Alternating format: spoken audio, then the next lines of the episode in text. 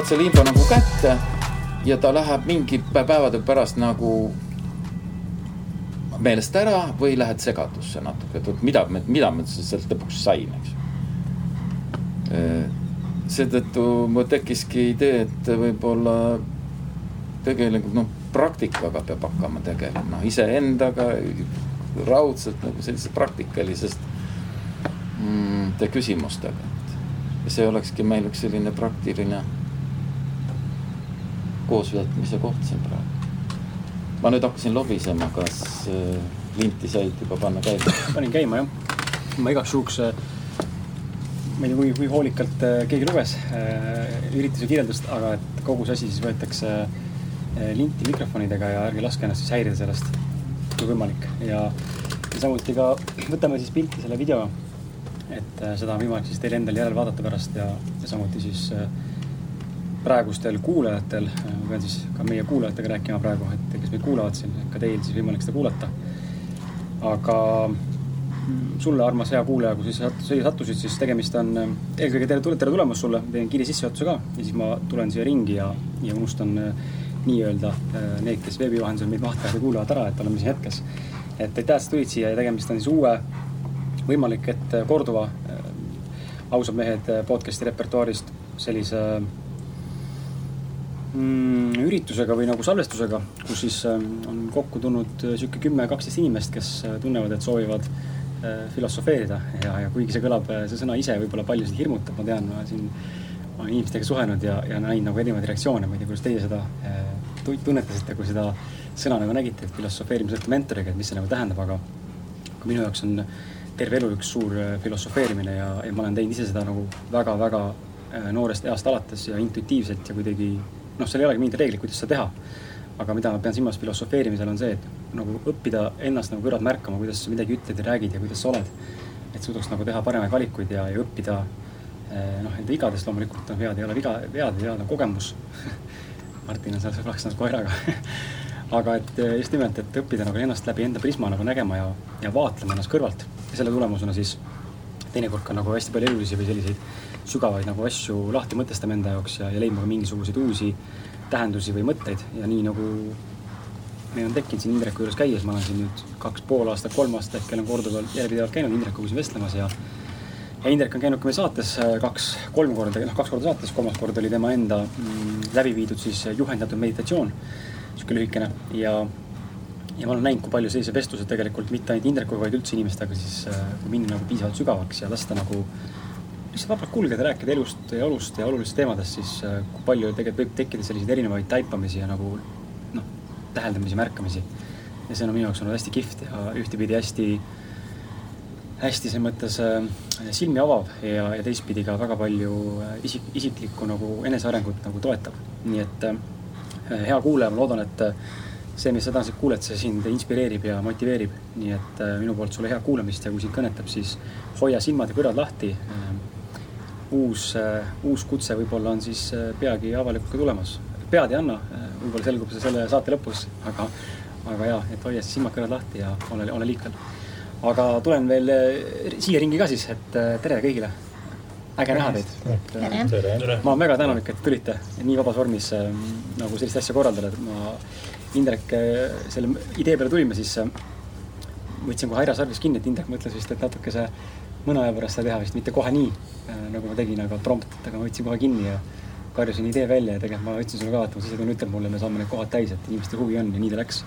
et, ähm, et äh, kihvt, see on hästi kihvt, et te olete siin ja ma loodan, et äh, see üritus on täna siin selline, ma ei teagi, ma ei tahagi selle mingit, mingit väga mingit pinget panna, lihtsalt tore, et tulite ja, ja tore, et olete jah, et me soovime, soovisime, mõtlesime seda, et äh, ma tõesti andsin äh, selle mõtte. ja ei arvanudki, et sa nii kiirelt selle siin ellu viid, eks ju. sest et ma ise olen ka sellist tüüpi, et ma olen veidikene mm, rahulikuma loomuga, et mul läheb, mul on aega vaja. ma pean aega, et ma pean selle asja enda jaoks selgeks mõtlema igatepidi mm,. aga eks tegelikult ma olin äh, suht, suht-koht valmis, kui ma sulle selle idee käisin, sest et äh, miks mitte sellist ilu, vaikust ja rahu siis inimestega jagada ja, ja, ja veel eriti selle seltskonnaga, keda mm, nagu vaimsed väärtused äh, huvitavad ja kes soovivad areneda. Minu jaoks on väga tähtis see, et on inimesi, kes viitsivad ja noh, kaasa mõelda ja süveneda vaimsetesse väärtustesse, sest et see tegelikult on üli, üliväike ringkond, üliväike. kindlasti olete ise ka märganud enamik, et oh, see on mingi, mingi jura ja mul ei ole sellise asja jaoks aega ja. aga tegelikult äh, on seal ju väga väike mm, samm vaja teha, ainult soovida ja, ja ka, ja ka vaim, ega me sise, sisemaailm on meil kõigil suht-koht sarnane, eks. nüüd on vaja, nüüd on kogu see vaimne maailm on suures plaanis nagu tõlgendamise küsimus, kuidas me nüüd tõlgendame seda elu ja elu just sinu enda isiku ümber. mitte mm, et et noh, toon ühe näite selles mõttes, mul on kergem läbi näidete ja ma ju eh, seda teha. et eh, suuremad konfliktid inimeste vahel ja mõistmatused tekivadki sellest, et eh, kõik lähenevad oma mätta koha, seisukohast. aga vaimne maailma just õpetabki lähenema mõlema seisukoha. et kui on konflikt, siis noh, nagu me oleme vestelnud Krisiga, tema, tema isa teemadel, siis kui on konflikt ja sul on võime analüüsida nii ennast kui ka teist, miks ta nii ütles. vot siis on juba nagu väga suur samm edasi tehtud mm. -hmm. aga, aga see ongi, tegelikult on väiksed nüansid, aga need ongi ühed tähtsamad. proovida mõista ka teist. ja siis ei teki selliseid noh, pinnapealsest olmejamast konflikte, mida tegelikult kellelegi vaja ei ole. vaata, kui palju on igas peres kindlasti mingeid olme tühja tähe pärast tülitsemisi. võtangi siit kohe kinni, ma ei tea, ma korra küsin äh,, kohe jätkan selle isa teemaga ka, aga kui paljud teist on kuulanud seda saadet äh, Indrekuga, kus ta on meie saates käinud, meil on kaks tükki olnud mm. -hmm. eeldan, et ühte, vähemalt on ju. Et, äh, et, et selles mõttes on äh, Äh, lihtsalt, lihtsalt, lihtsalt, lihtsalt huvi pärast, aga tulles isa teema juurde tagasi, siis äh, ma olen seda saates vist ka natuke käsitlenud, äh, tegelikult päris palju Martiniga koos, üksi nüüd vähem, aga mul siin oligi sihuke huvitav situatsioon, kus ma jälle nagu nägin, et ma ise, ise ajaga nagu nii palju äh, targemaks ja paremaks ja, ja intelligentsemaks just äh, nagu reageerimise suhtes muutunud, õppinud ennast kontrollima, et ma näen minu elus täna isa on see, kes suudab mind käivita. et äh, kui mitte ükski teine inimene mind äh, ei ärrita enam ja nii väga nagu närvi ei aja või endast nagu välja ei aja, siis isa äh, kommentaarid või isa nagu olek või tema nagu mõju, alateadlik mingi hoiak on see, mis mind suudab äh, tugevalt välja ikkagi viia. ja, ja siis oligi siin paar nädalat tagasi oli olukord, kus ma siis kirjutasin isale, et kuidas neil läheb ja, ja, ja eks ta oli niisugune natuke üle, üle puusa ka niisugune pohhu, et siis kirjutan, et olen ma näinud, et kuidas läheb ja, ja siis ta vastas seal pikalt, kuidas ta läheb ja, ja see, see loo point nagu selles, et tal ikkagi on enda sees mingid asjad, protsessid tegemata veel ja siis ta pidi ikkagi lõpus seal mingi asja, oma mingi ütlemisega nagu salvama ja mäletan, seal olid mingid siuksed laused, et ta pole vist elus näinud äh, mitte kunagi nii kõrge kusemisega mees kui mina. mis see tähendab, ma ei tea täpselt, ma umbes eeldan, onju, ma saan aru, ma olen egoistlik ja palus mul roosad prillid peast ära võtta ja maa peale tulla ja ja endale mitte ette kujutada asju ja siis meil nagu Indrekuga jagasin seda meili, mis isa kirjutas, ma jagasin talle enda meili, mis tahtsin isale vastata, aga ma ei vastanud, millal valmis kirjutasin emotsiooni pealt kohe, kui ma seda kirja nägin. et ahah, Urmas kirjutas, panen kohe vastu. aga ma ei saatnud ära seda, ma saatsin Indreku lugemiseks ja siis tegelikult ka veel mõnele inimesele. ja siis ise nagu noh, kõik nad ütlesid sama asja mulle, et kui ma vastaksin selle kirjaga selliselt, nagu ma alguses kirjutasin seda, oleks see täpselt samasugune õigustamine, süüdistamine vastu ja seal on nagu noh, vastu peaaegu seina jooksmine põhimõtteliselt, veriseks, tükkideks isegi võib-olla. ja, ja siis ma sain aru tegelikult ise ka sellest. ja ma ei ole talle siiani täna vastanud ja ma tunnen, et ma ei tahagi vastata. ja kui ta peaks mulle uuesti kirjutama, siis ma ilmselt ütlen midagi sellist, mis sa mulle viimane kord ütlesid ka, see hästi lühike vastus, et milleks, milleks oli vaja lisada viimane lõik sinna või ma tahan, tunnen nagu ma taha, ma ei tahagi talle vastata, sest et seal ei ole midagi öelda. Ja mis, mis selle jutu mõte on see, et ma näen, kui palju on nagu aidanud sellised vestlused või sellised, selliste inimestega, kes täna siin on, äh, ka meie ümber, teie ümber, äh, sellistel teemadel nagu suhtlemine ja avameelselt rääkimine äh, on aidanud nagu ennast paremini õppida tundma, saades iseenda paremaks versiooniks ja samas näha ka neid nõrku kohti, mis mind käivitavad, mis mind ei käivita. mida teha siis, kui ma käivitasin, kuidas mitte reageerida, sest et iga päev näen ise ka teiste pealt, teiste pealt on lihtsam näha, onju, kui enda pealt. kuidas inimesed lihtsalt tühja asja peale reageerivad, selles mõttes lihtsalt olla nagu neutraalne, hinga sügavalt ja siis mõtle vasta, aga inimesed nad plahvatavad, lahmivad. ja, ja mul on nagu isa olnud see parim õpetaja, kes on õpetanud seda, kuidas see lahmimine ei vii mitte kuskile, vaid see viib pigem nagu veel suuremale hukule, et äh, ma muidugi jagan enda asju siin, ma ei eelda, et te täna hakkate siin mul enda elu, enda eraelu nii-öelda avalikult välja jagama, kui te tahate, teil on see soov olemas, aga te ei pea. et, äh, et lihtsalt sihuke mõte tuli jah, et see isa on õpetanud. Mul on küsimus, et kui sa talle kirjutasid, siis äh, kuidas sa ise mõtlesid selle peale, et kui sa kirjutasid talle, et kas sul oli mingisugune juba eeldus, kuidas ta sulle vastab või mis ta üldse ja sulle ma, vastab? jah, oma asja ma tunnen ja ma tean, kuidas ta vastab no vot see, aga võib-olla see ongi ei, loomulikult, eks ma kindlasti selles mõttes võime ju võtta arvesse selle, et äh, kui lähtuda nii-öelda siis kvantfüüsikast või nii-öelda nagu selles mõttes peentasandit mateeriast, mitte mateeriast, siis jah, et see, millele me mõtleme, selle lõpuks saame, et võib-olla minu eeldus juba mingil määral toitis seda. Aga, aga eks kindlasti seal on ka nagu reaalsusest vaadates, siis on, on seal mingi vimm või mingi asi nagu taga, mis ma juba teadsin, et see on korduv muster, mida ma varem nagu näinud, see ei saa muutuda lambist niimoodi. et tema, see on nagu huvitav, et sa küsisid seda, sest et äh, rääkisin Eliisega, enda elukaaslasega siis ka sellest, et sain nagu aru, et selleks, et isa, isa ei peagi muutuma. mina, mina pean muutuma. kui mina, mina muutun, siis muutub minu isa ka. see, selle koha peal mingil määral tundub mulle vähemalt. võib-olla, võib-olla täpsem on öelda, et, et kui sa tahad, et konflikti ei oleks, siis emba-kumba peab muutuma mm. -hmm. kui kumbki ei muutu, siis ei juhtu mitte midagi. ja mitte muutuma temale meelepärasemaks äh,. ei nagu,, mitte seda, vaid emba-kumba peab muutuma, et see, seda suhet parandada mm. -hmm. et seda suhet muuta mm ma ei pea õigeks, et sa pead tema jaoks nüüd meelepärasemaks muutuma, siis tema läheb üha rohkem õhku täis. vaid üks peab hakkama maha rahunema. võib-olla on minu, minu, minu jaoks kõige õigem, et üks peab olema rahulik. näiteks kasvõi seesama, et see on juba väga suur areng, see näide praegu minu silmis, et sa ei saanud seda kirja veel ära. sa õudselt ju tahtsid, kiri oli täis õigustusi kohati süüdistusi ka sinu poolt, eks ju. sa nii õudselt tahaks seda saata, et nad tahaks, et ta ikkagi loeks. aga sa tegid õige lükke, et, et aeg annab arutust, ära saada, ära kiirusta. Loe veel kordi läbi mm,. ja, ja kõik, kõik need süüdistused välja mm -hmm. jätta e,. siin sa tõid selle näite, mul oli ka üks e,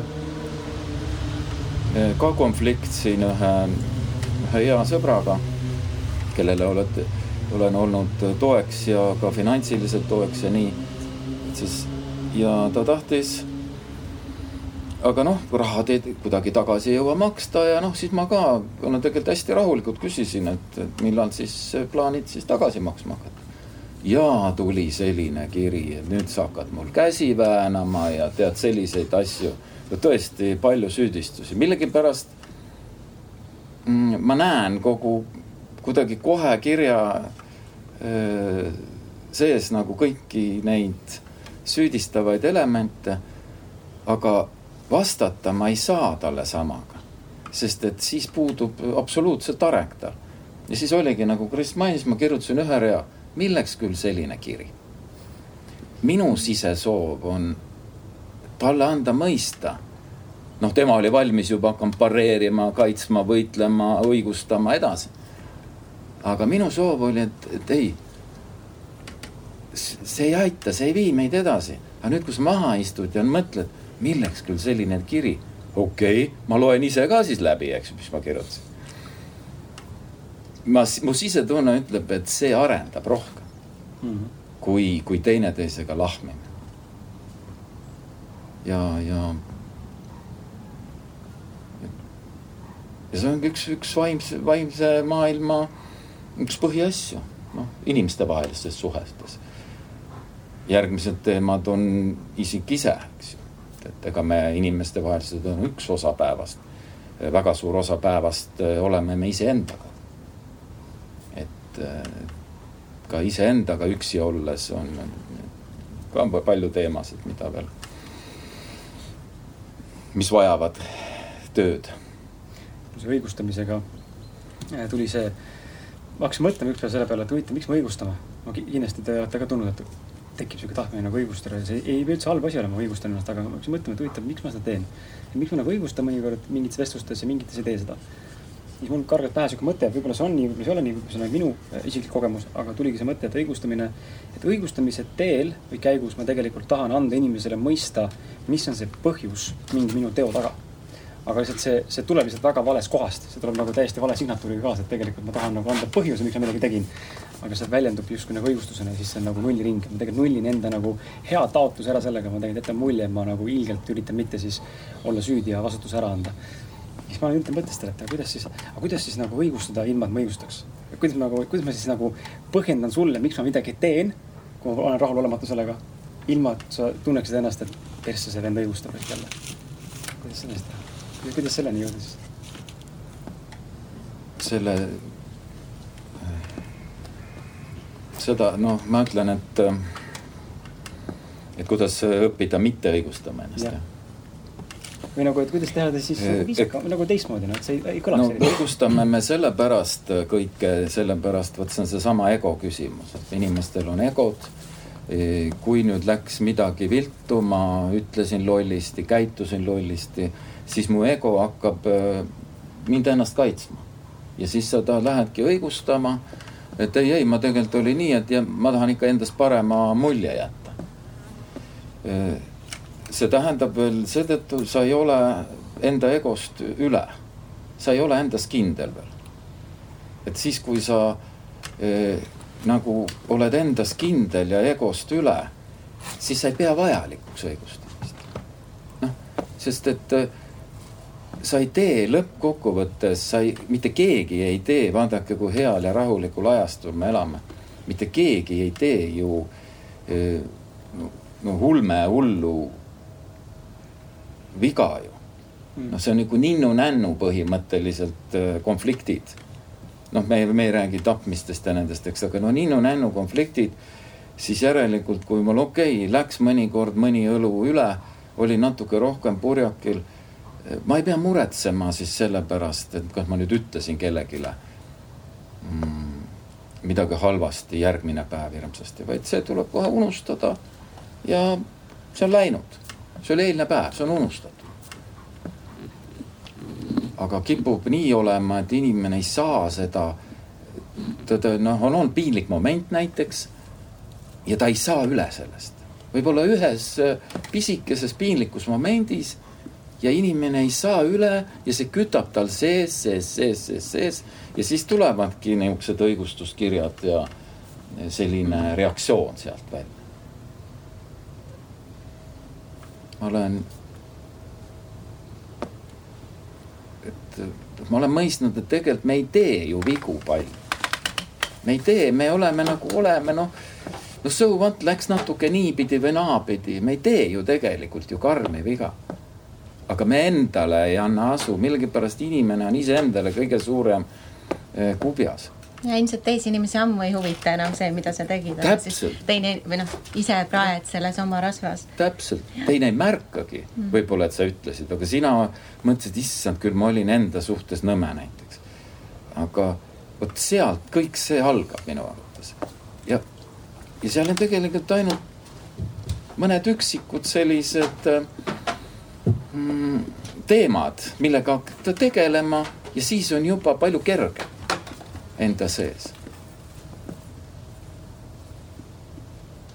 et,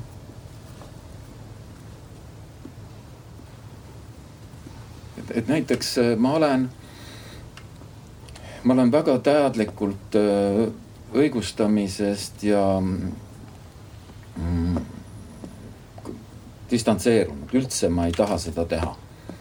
aga see on toonud muidugi ka väikest viisi probleeme mulle selles mu enda äh, inimesena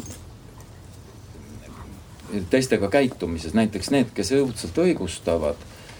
Äh, ma ei suuda suhelda enam lihtsalt, ma ei suuda lihtsalt, sest et noh, ma millegipärast ma kuulen, ma näen, et tal on pinge, ma tajun kohe ära, et ta ei tegele muu kogu õigustamisega. ja ja, ja nagu mul, mul kohe jutt otsas. ma ei saa suhelda lihtsalt, ütlen ausalt ja see tähendab, ma olen enda suhtes nii ausaks muutunud, et, et no mõelgu, mis siis tahab, aga mina keeran selja, ma ei taha suhelda. sest et äh, ta võib-olla ei tahagi halba, aga see õigustamine on ka mulle valus kuulata. et ähm, ja teine, kas mul oli point veel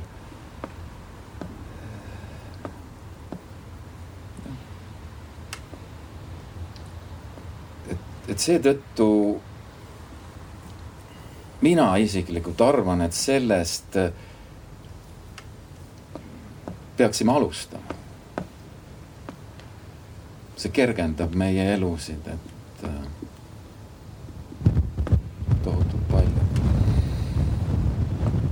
kas võib-olla on see, et, et sa küsisid, et kas see, et kui sul on vaja isegi nagu põhjendada oma tegevust või tahad põhjendada, kas see ei või selle taga või sama asi olla nagu, nagu iga muu asja ütlemisega, see, mida sa emotsionaalselt nagu tunned, kui sa seda ütled.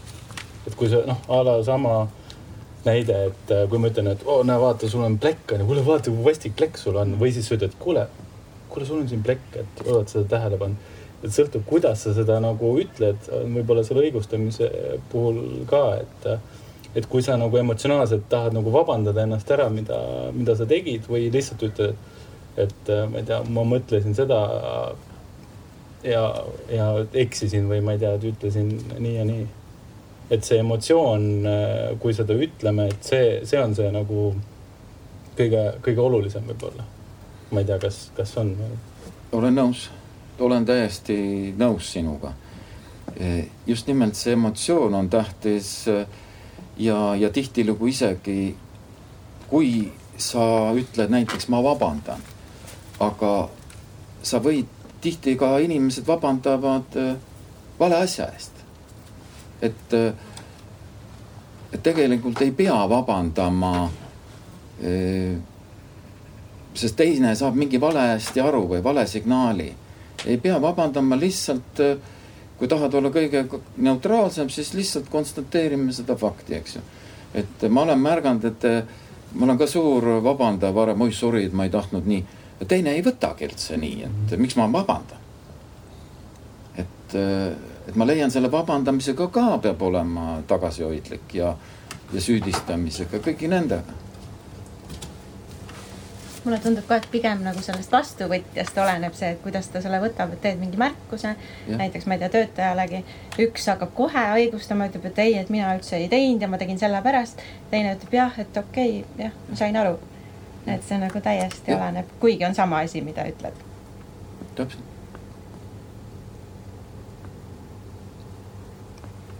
sõltub väga palju ka, mis energiaga sa seda sõnumit nagu välja annad, kas on negatiivne energia või mhm. positiivne, et äh, mõned sõnad on äh, üksi juba negatiivse maiguga ja siis annad selle energia edasi, siis see inimene võtabki seda kui nagu, äh, nagu arvustava negatiivse, kuigi sina ise sisemas mõtlesid seda kas irooniliselt või positiivselt, aga sa ei teadvusta endale, et see teatud sõna võib olla negatiivse maiguga.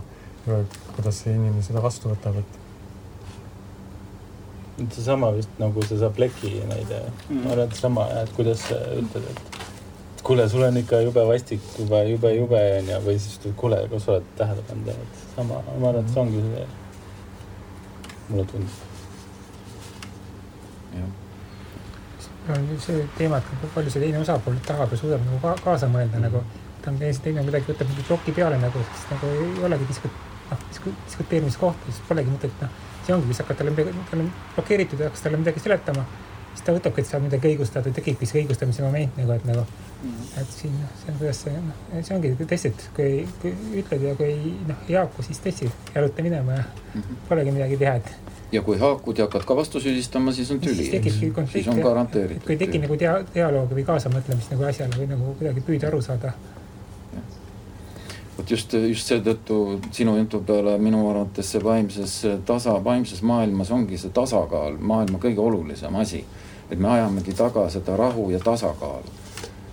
ja, ja, ja näiteks, kui sa ütlesidki, et on väike negatiivne sõna või nii. kui sa ei ole endas päris kindel, siis pigem ole vait. mul ikka isa ütleb alati, et ma võtan noh ka emaga tihtilugu seal vaidlevad, isa on alati targem, kes annab alati järgi, eks. ma võtan õiguse vait olla.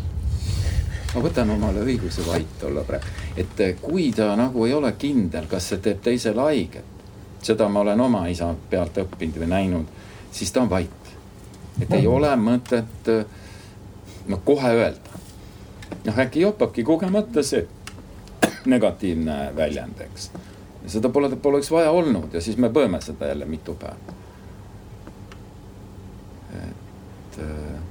aga kas see on nagu õige nagu, et kui üks inimene võtab kogu aeg õiguse nagu vait olla, siis see on nagu tegelikult see, kui on nagu näiteks paarisuhe, siis nagu asi kipub lõpuks võib-olla rappa vedama nagu et kui iga, üks osapool võtab kogu aeg õiguse, et ma, ma olen vait, noh see on nagu asi tegelikult mäda sõltub vist, kuidas seda nagu tehakse ka, et kui sa nagu teed seda nagu heast nagu päriselt nagu mm. tahad seda nagu see on okei okay sinu jaoks või see tulebki nagu loomupäraselt, sa mõistad seda või, sa teed seda nii-öelda ohverduse mõttes mm., et ma nüüd siis olen ise see vait, sest teine pool nagunii vait ei suuda olla või ei suuda nagu vastutada, siis, siis see vist on jah haprus, et siis sa nagu korvad nagu kahe inimese nagu mingit äh, ebaõnnestumist või nagu kom kommunikatsiooniprobleeme, aga ma arvan, et äh, see sõltub vist jah. jah, tal on täiesti õigustatud küsimus, aga noh, ma rääkisin äh, antud kontekstis ainult ühte fakti, aga ega siis isa on mul ju kavalpea ta, ta võtab nagu tagasi mingis muus kohas, et millest e, e, ema aru ei saa. ega ta on kaval, ta saab nagu omale egole, noh, ma tegelikult, kui ma vaatan, et kõik otsivad oma egole toitu. ema, isa on mõlemad juba, isa saab üheksakümmend. Nad otsivad ikka endiselt toitu egole, isegi ei ole rahul kui ema annab talle kahvli, ei, ma tahan vot seda kahvli ta nagu ka nüüd on nad nii tillukeste asjade peale, eks ju. sest tal on vaja saada see egole see üks äh, toit tagasi nagu või, või see üks emotsioon tagasi. aga kõrvalt vaatame, ütlen oh my god, milleks see kõik, eks. vaidleme kahvli pärast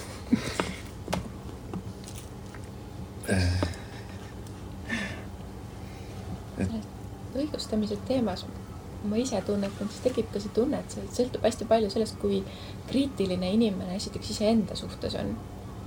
et kui sa sisemiselt iseennast nagu nii palju hindad ja kritiseerid, siis sa tunned vajadust ka millegipärast ümbritseva suhtes ennast õigustada.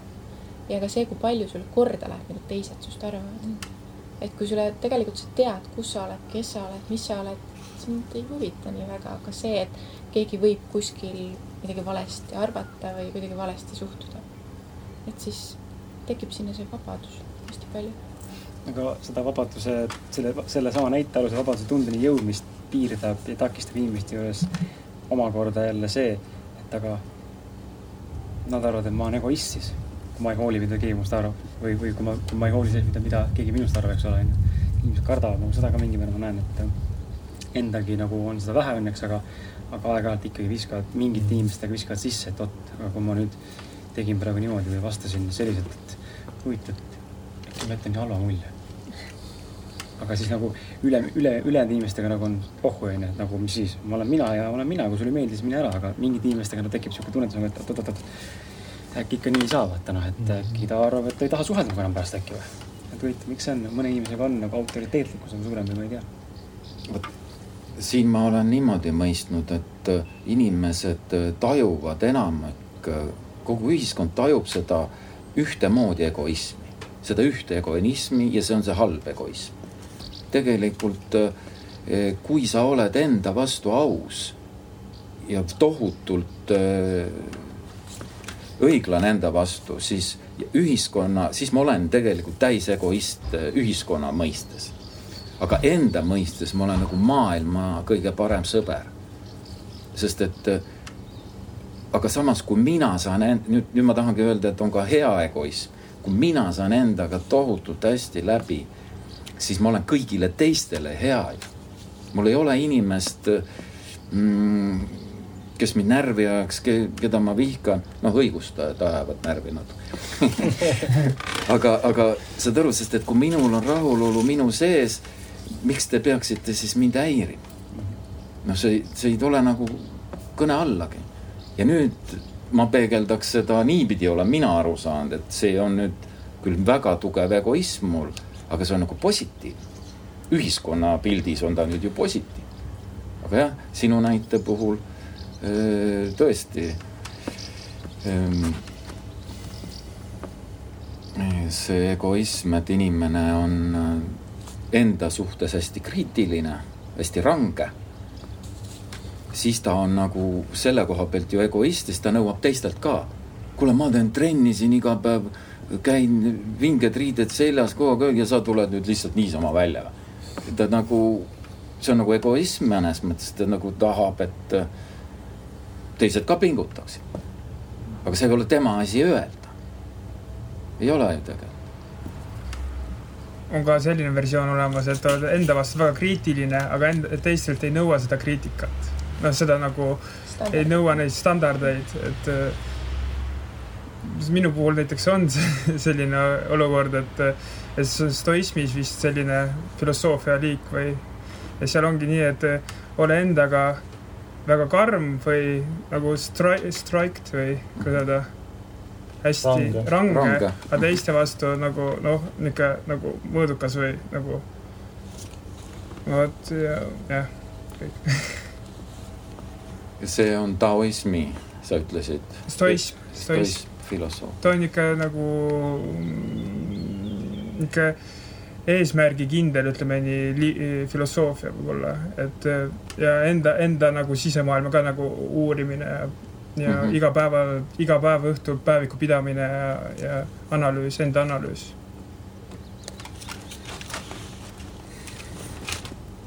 Enda analüüs on kõikides religioonides väga olu oluline. isikuse ära, enda analüüs on. paljud need, no mulle jääb mulje, et paljud religioonid või, või muud need õpetused, siis nad võib-olla annavad neid valemeid või õpetusi konkreetseid. vot, aga kui sa rohkem nagu fundamentaalsetest asjadest lähtuda nagu väga täiesti nagu, nagu basic, basic asi, siis ma arvan, et peaks nagu endalt küsima neid miks küsimusi ja, ja, ja just tööd tegema enda kallal, et et noh, jah, ma ikkagi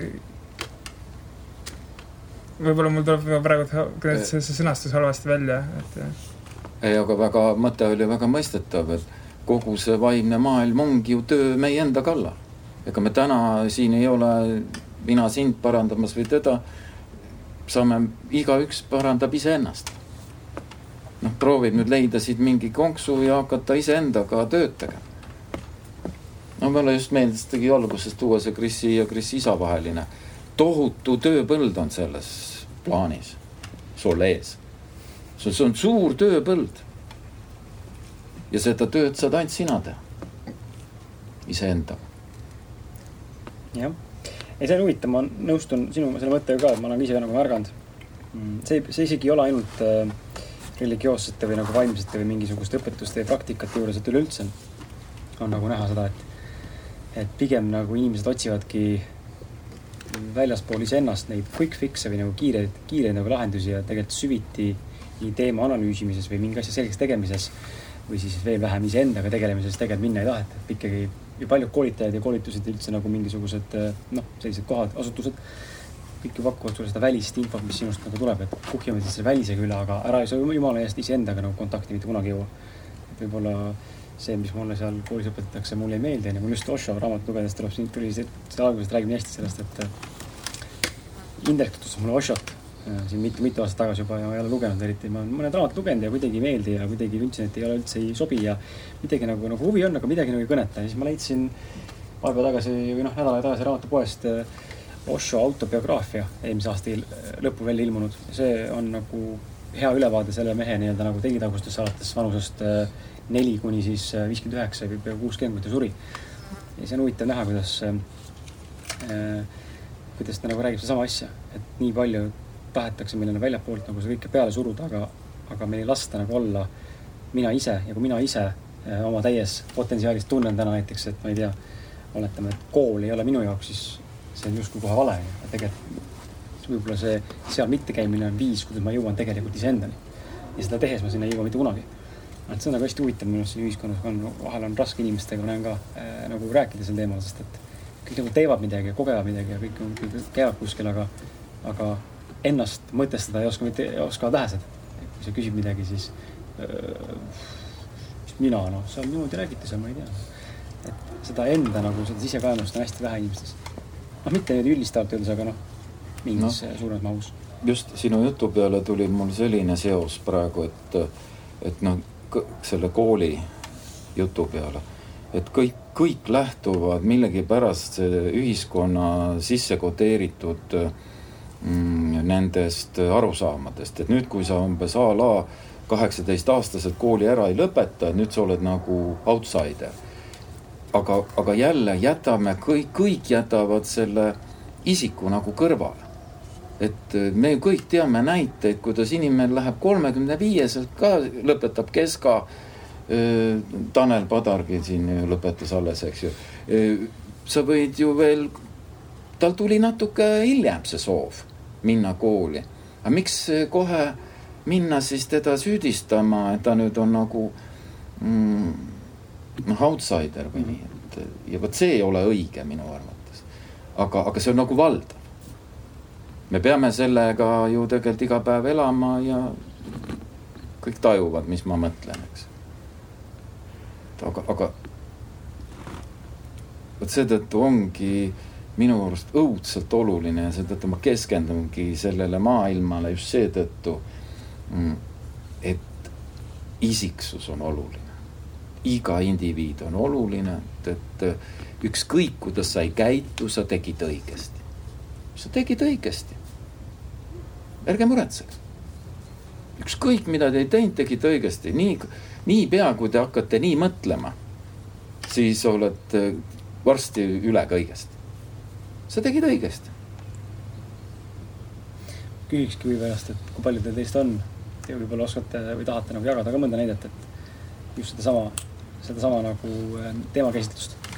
et kui palju on selliseid hetki olnud elus, kus sa valida, kas sa teed seda, mis on nagu sina, aga seal on meeletu ühiskondlik justkui nagu surve või vastupanu või nagu hukkamõist või isegi mitte hukkamõist, et pigem nagu mittemõistmine või mõistmatus. ja, ja teisalt siis tehes midagi, mida sulle justkui ette söötakse kandikul, et näed, siin on nüüd teekonnad. ja sa ei taha neid teha, et kui palju te ise olete kogenud seda? jah, sa, Raivo, noogutasid? jaa, põhimõtteliselt kogu kooliaeg põhimõtteliselt, et, et mul ma arvan, et juba mingi teisest klassist peale mul tuli sihuke plokk ette, et see ei ole see, mida ma praegu tahan teha ja aina rohkem, mida rohkem mind suruti, seda rohkem mul seda nagu plokki ette tuli, et ma ei, ma ei tahtnud üldse, no ei tahtnud üldse koolis käia, mul oli nagu sihuke plokk, et. Äh, aga ma ei mõtle ainult kooli, mõtlen üleüldse elus. Sa mõtled nagu, et, et kui ma mingisugust asja teen või? no ja näiteks vahet pole, mis valdkond asi, kas. Äh, noh see on kasvõi, ma arvan, et seda,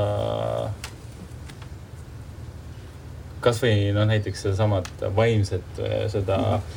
asja uurides või mõeldes, et tegelikult enamus seltskonda sõpradest seda, keda ma tean, kellega noh, aina rohkem olen kaugenenud, siis kui üldse nagu sellel teemal peaks nagu äh, Äh, vestlus äh, tekkima, siis, siis noh, tuleb kohe see, tunnen, kuidas see nagu silt tuleb külge, et mingi uhu et või ma arvan, et see on see üks äh, tugevamaid asju, aga et ma veel ei ole näiteks äh,, ei suuda või ei julge äh, nagu avatult äh, nendel teemadel rääkida, mis ma olen äh, kas olen äh, lugenud või olen vaadanud mm. -hmm.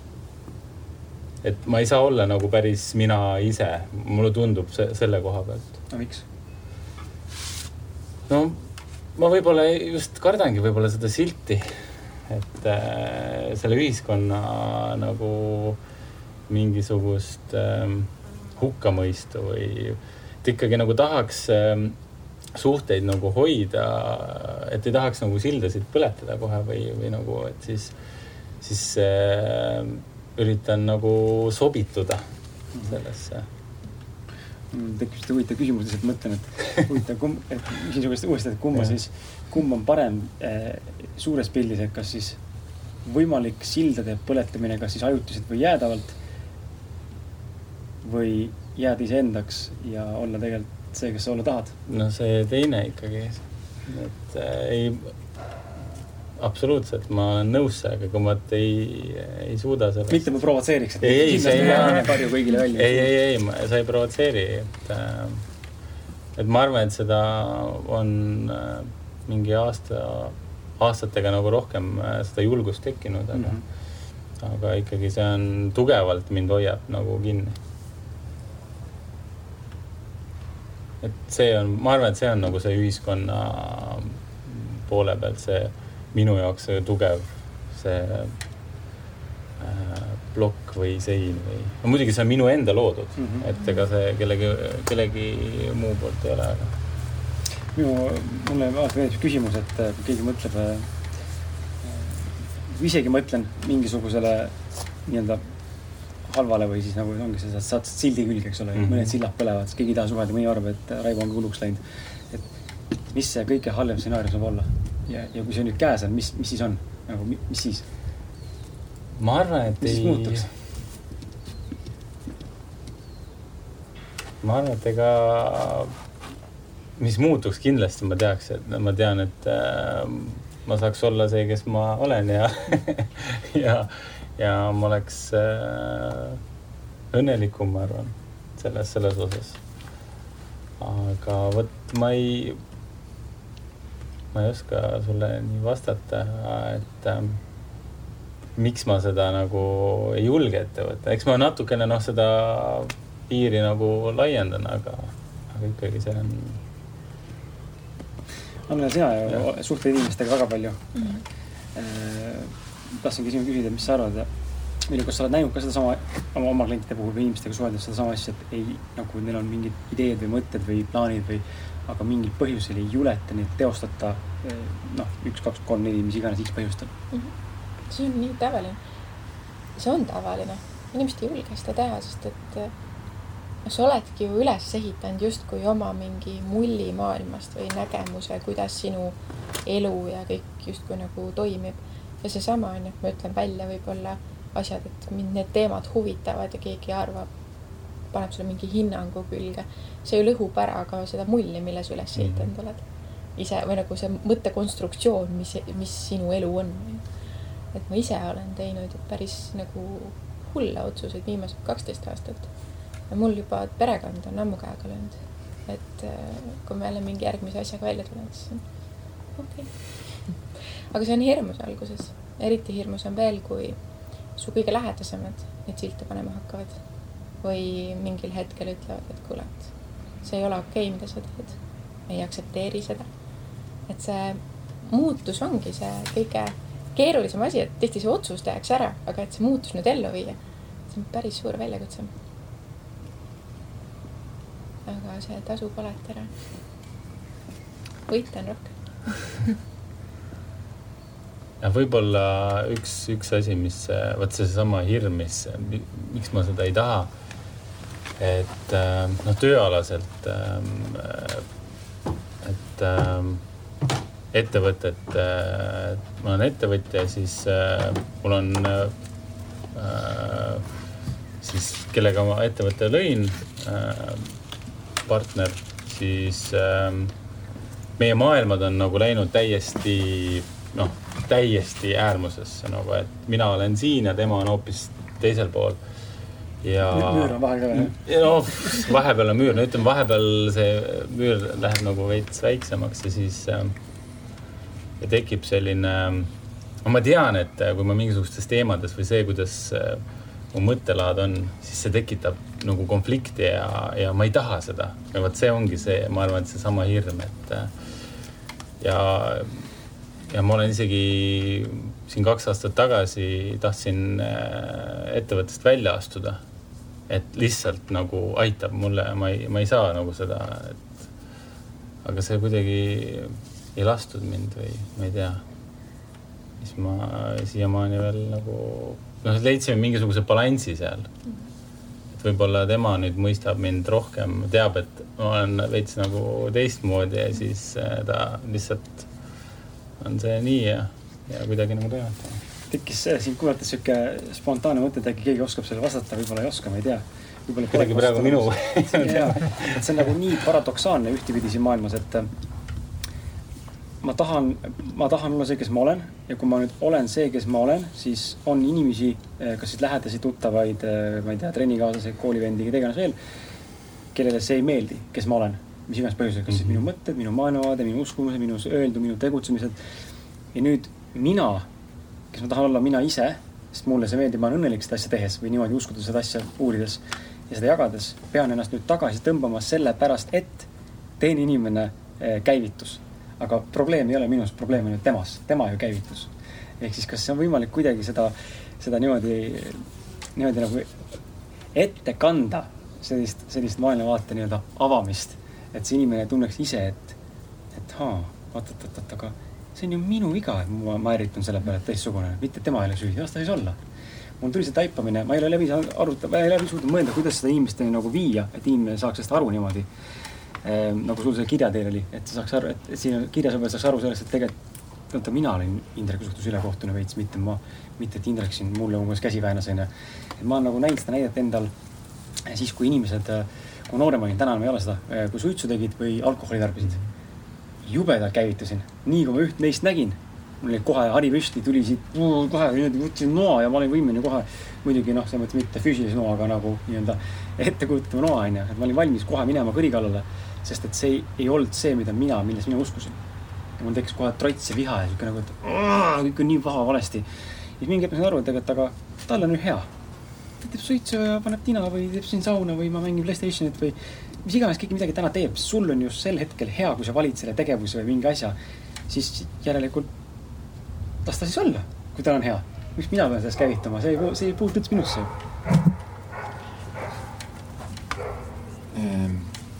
Ma tooksin, ähm, ma ka siin, hea teema, et sa küsisid, et see, see natukene võrdub äh, nüüd konfliktiga, minu silmis lihtsalt, konfliktiga, äh, see lahendus võrdub äh, konfliktiga sinu ja sinu isa vahel näiteks. näiteks üks pool soovib muutuda, noh näiteks sina oled see pool, kes on me oleme harjunud ühiskonnas oma sõpradega, oma ringkonnaga, ega, ega nemad äh, ei peagi ju võtma vastu sinu muutusi, nemad on harjunud, et sa kogu aeg oled nendega samal lainel.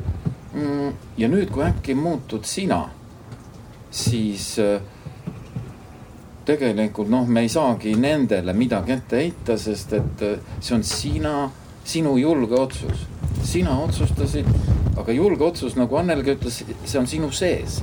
ma tahan muutuda ükskõik kuidas te siis minusse ka ei suhtu. aga samas mina leian, ei pea isegi sellest äh, kõva häälega rääkima. see muutus on sinu sees. Et, äh, et äh, ega sa ei peagi ütlema partnerile, kuule, mul ka vaimsed maailmad ja võib-olla see ütlemine rikubki ära. aga kui sa lihtsalt oled, arened enda sees, siis muutust näevad kõik. sest sa oled sa oled teine inimene. ühel hetkel, kui sa oled endaga tööd teinud ja saavutanud rahulolu, siis kõik vaatavad. Ah sa, oot, oot, mida ta ütleski. aga kui me nagu teame, tea-, noh, teavita, tahame ühiskonda hirmsasti teavitada oma muutustest, seda pole vaja. see ei anna mitte midagi. ma tooksin äh, siin ühe näite ka enda mm, muut-, muutumisest aastate jooksul. et minu ümber on olnud ikkagi mõned väga rikkad inimesed ja see nii, niinimetatud kogu aeg rahamaailm nagu on, kogu aeg rahamaailm. Ja siin kümmekond aastat tagasi veel käisime iga aasta suusatamas ja siis käisime matkamas ja jälle suusatamas, jälle matkamas ja kogu aeg, kui suusatamine ära, jälle lämpaks lahti, jälle kogu aeg rahanumbrid, numbrid, Excel, Excel. Lähme puhkama. nii, mul tõusis aktsiad nii palju, ma sain kakskümmend tonni praegu sain vahelt. ise räägib kogu aeg, mehed omavahel. Keegi ei küsi. aga seda räägivad kogu aeg. palju tal tõusis aktsia ja palju ta sealt teenis. mina, kes siis juba hakkas vaimset maailma väga kõrgelt hindama, ma ei küsinud midagi tast tema raha kohta, aga tema ikka rääkis, eks. ja seetõttu mina otsustasin, mina ei räägi, millega ma tegelen. ma olin kogu aeg vait, ma kogu aeg mediteerisin, olin lihtsalt rahulikult, midagi küsisin, ahah, ahah. noh, sest et ma tunnetasin ära, et see rääkimine ei jõua tal kohale ja, ja nüüd on asi aastaid veel hiljem. see, see näite lõpetuseks, aastaid on mööda läinud. ka mul sõber käinud siin kogu aeg saunas. ja siis vaatab mind ja ma olen täiesti karva kasvanud juba, juuksed on tead õlgadeni. vaatab mind, ütleb no umbes tõesti sellise olekuga, et sa oled ikka nii käest ära vend. Tead, ma tean ühte hipiseltskonda, ta numbrit tahab. ma ütlesin aga ma leian kõik oma hipid ise, eks. aga küsimus, ta arvas nüüd, et ma olen nagu hipi poole. tegelikult ma olen väga enda sissepoole. ma elan enda sisse, enda, ma parandan oma maailma. ega leida neid hipisid, kes õlut muga juua tahavad, neid on miljoneid ju, aga ma pean ainult enda sisse üksi vaatama. Sellest selline näide, kuidas noh, aastaid, kakskümmend juba koos olnud ja ta üldse ei taju äh, mind. see on sage ju ka see, et miks need teised ärrituvad, on ju see, et nende mingisugune ne,, sa tood ju neile ka muudatuse kaasa mm. -hmm ja see on see, mida ei taheta mm. -hmm. et sina käivitad minu elus mingisuguse muudatuse mm, -hmm. sina muutud, see toob kaasa mulle ka muudatuse ja mina ei vali seda mm. -hmm. see tuleb mulle justkui nagu peale sunnitult ja see on tihti see, mille peale tegelikult nagu trigerdutakse ja nagu ärritutakse, sest et ma ei taha. ja vahel ongi see, et see, mulle tundub, et see maailm, mis, mille ma olen üles ehitanud, noh, eriti on see vanemate puhul veel, kes on ju elanud mingi konstruktsiooniga ja kui sina hakkad teistmoodi elama, siis nad ju tegelikult suurest armastusest tahavad sind hoida mm. -hmm. et jumala eest sa nagu, nagu haiget ei saaks, sest see tundub ohtlik, see tundub teistsugune. ja kõik see nagu mahategemine tihti on suurest armastusest ja hoolimisest mm. -hmm ta, ma olen aru saanud, ega ma ei, ei räägigi, et ma ei tea kõigile või ei, ei taha nagu rääkida, aga paratamatult see, kui sa muutud, siis juba äh, see suhtumised ja, ja igasugused noh, juba tegutsemine muutub ja see juba tekitab seda konflikti. et noh, näiteks kasvõi ettevõtete äh, juhtides ongi mina näen seda hoopis teist pilti, kuidas nagu võiks teha ja tema teistmoodi ja see ongi see, see konflikti koht. isegi ei pea midagi rääkima, et mm..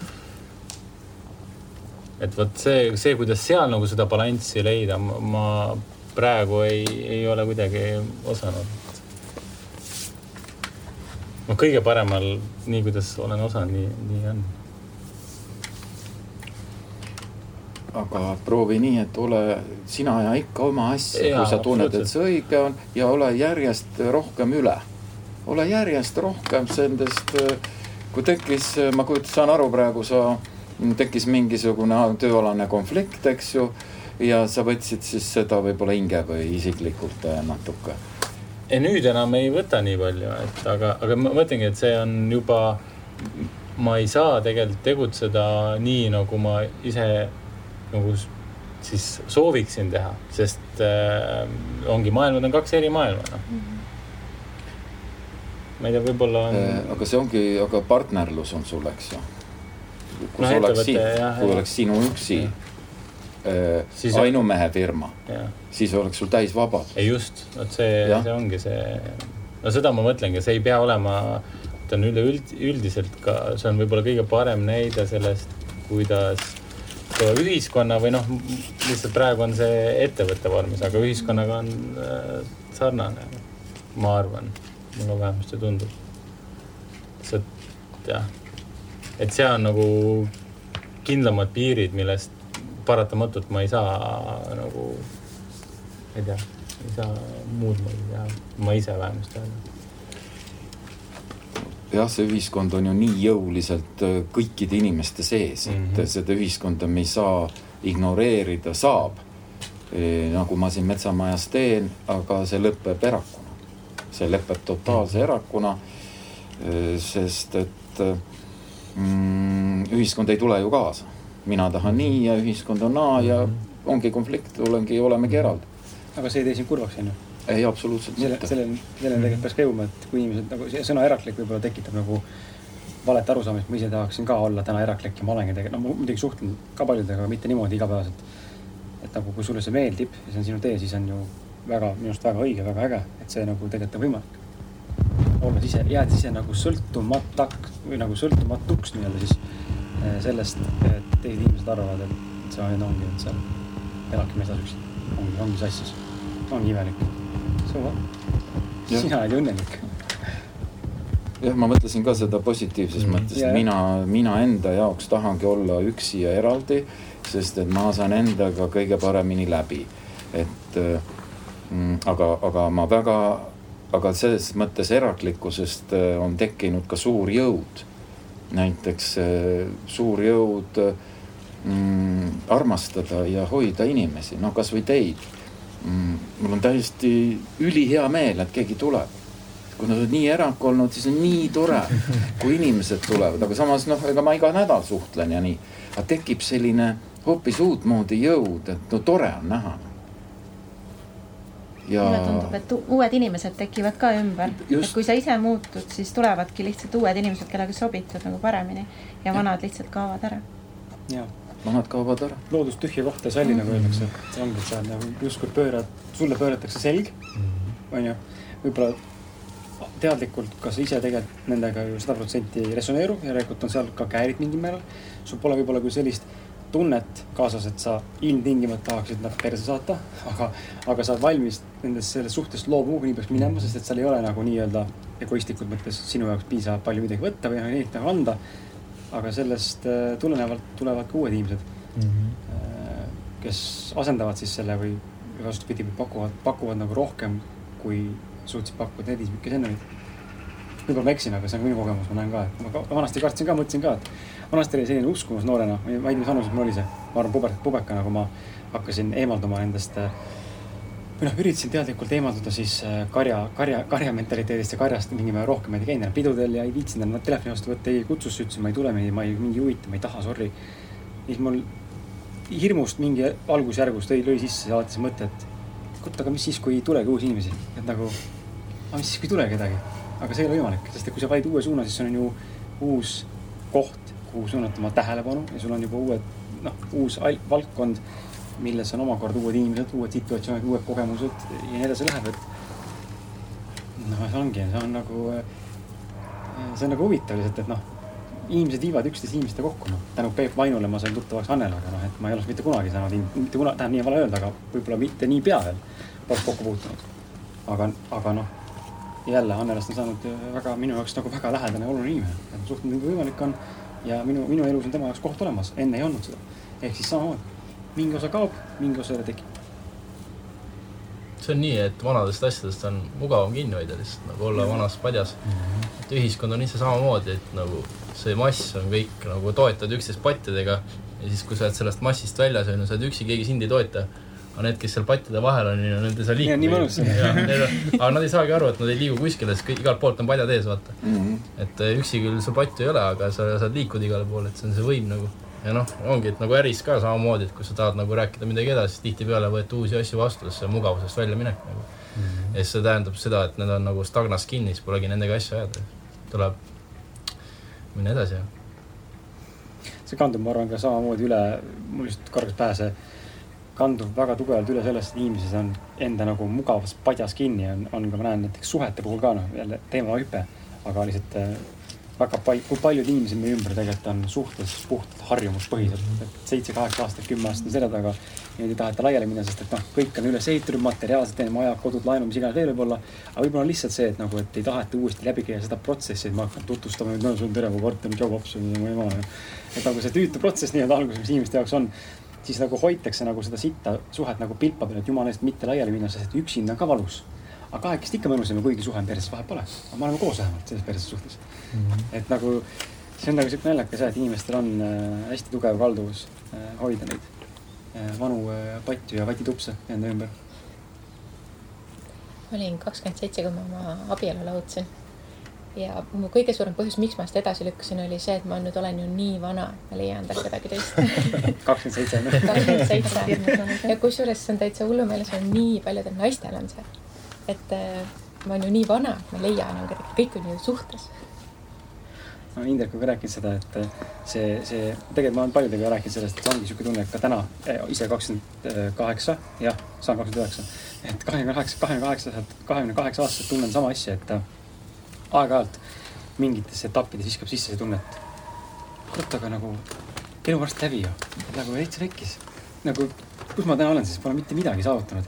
aga ma olen tegelikult ainult üks neljandik, noh, kui hästi läheb, onju, võib-olla, võib-olla viiendik ainult elatud. ja tegelikult nii palju juba õppinud, omandanud, aga sul on mingi, ühiskonna poolt tuleb mingi survestada sisse.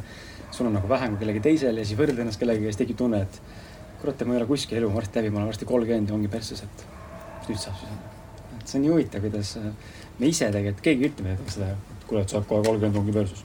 vaid me ise nagu kodeerime ennast uskuma seda, et ongi pekki, siis me kanname edasi seda. mul tuleb see Osho, äh, see surma kohta, et äh, mis ta ütleb, et, et ühiskond on, me sünnime siia surema, et nagu, et, et meil nagu see usk, et me sünnime ja siis, ja siis meile pannakse see, et nüüd, et me sureme aga noh, tegelikult nagunii me sureme, et me nagu justkui põgeneme selle, selle surma eest, et äh, tegelikult, aga me ei peaks.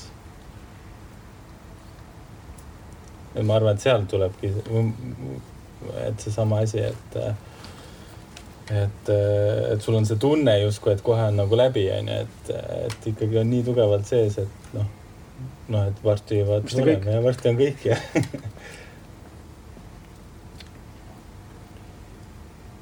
ma räägin siin ühe sellise loo eh, ju vahele. Osho, kuidas Osho jõudis, eh, kuidas Osho, Osho hakkas nagu mm, elu tõlgendama või, või kuidas ta mõistis, et, et nagu see ühiskond ei ole õigel teel või kuidagi kõik, kõik tõmblevad, rapsivad, vastavad nii, nagu ühiskond on ette nä näinud. ja selle järgi me kõik tõmbleme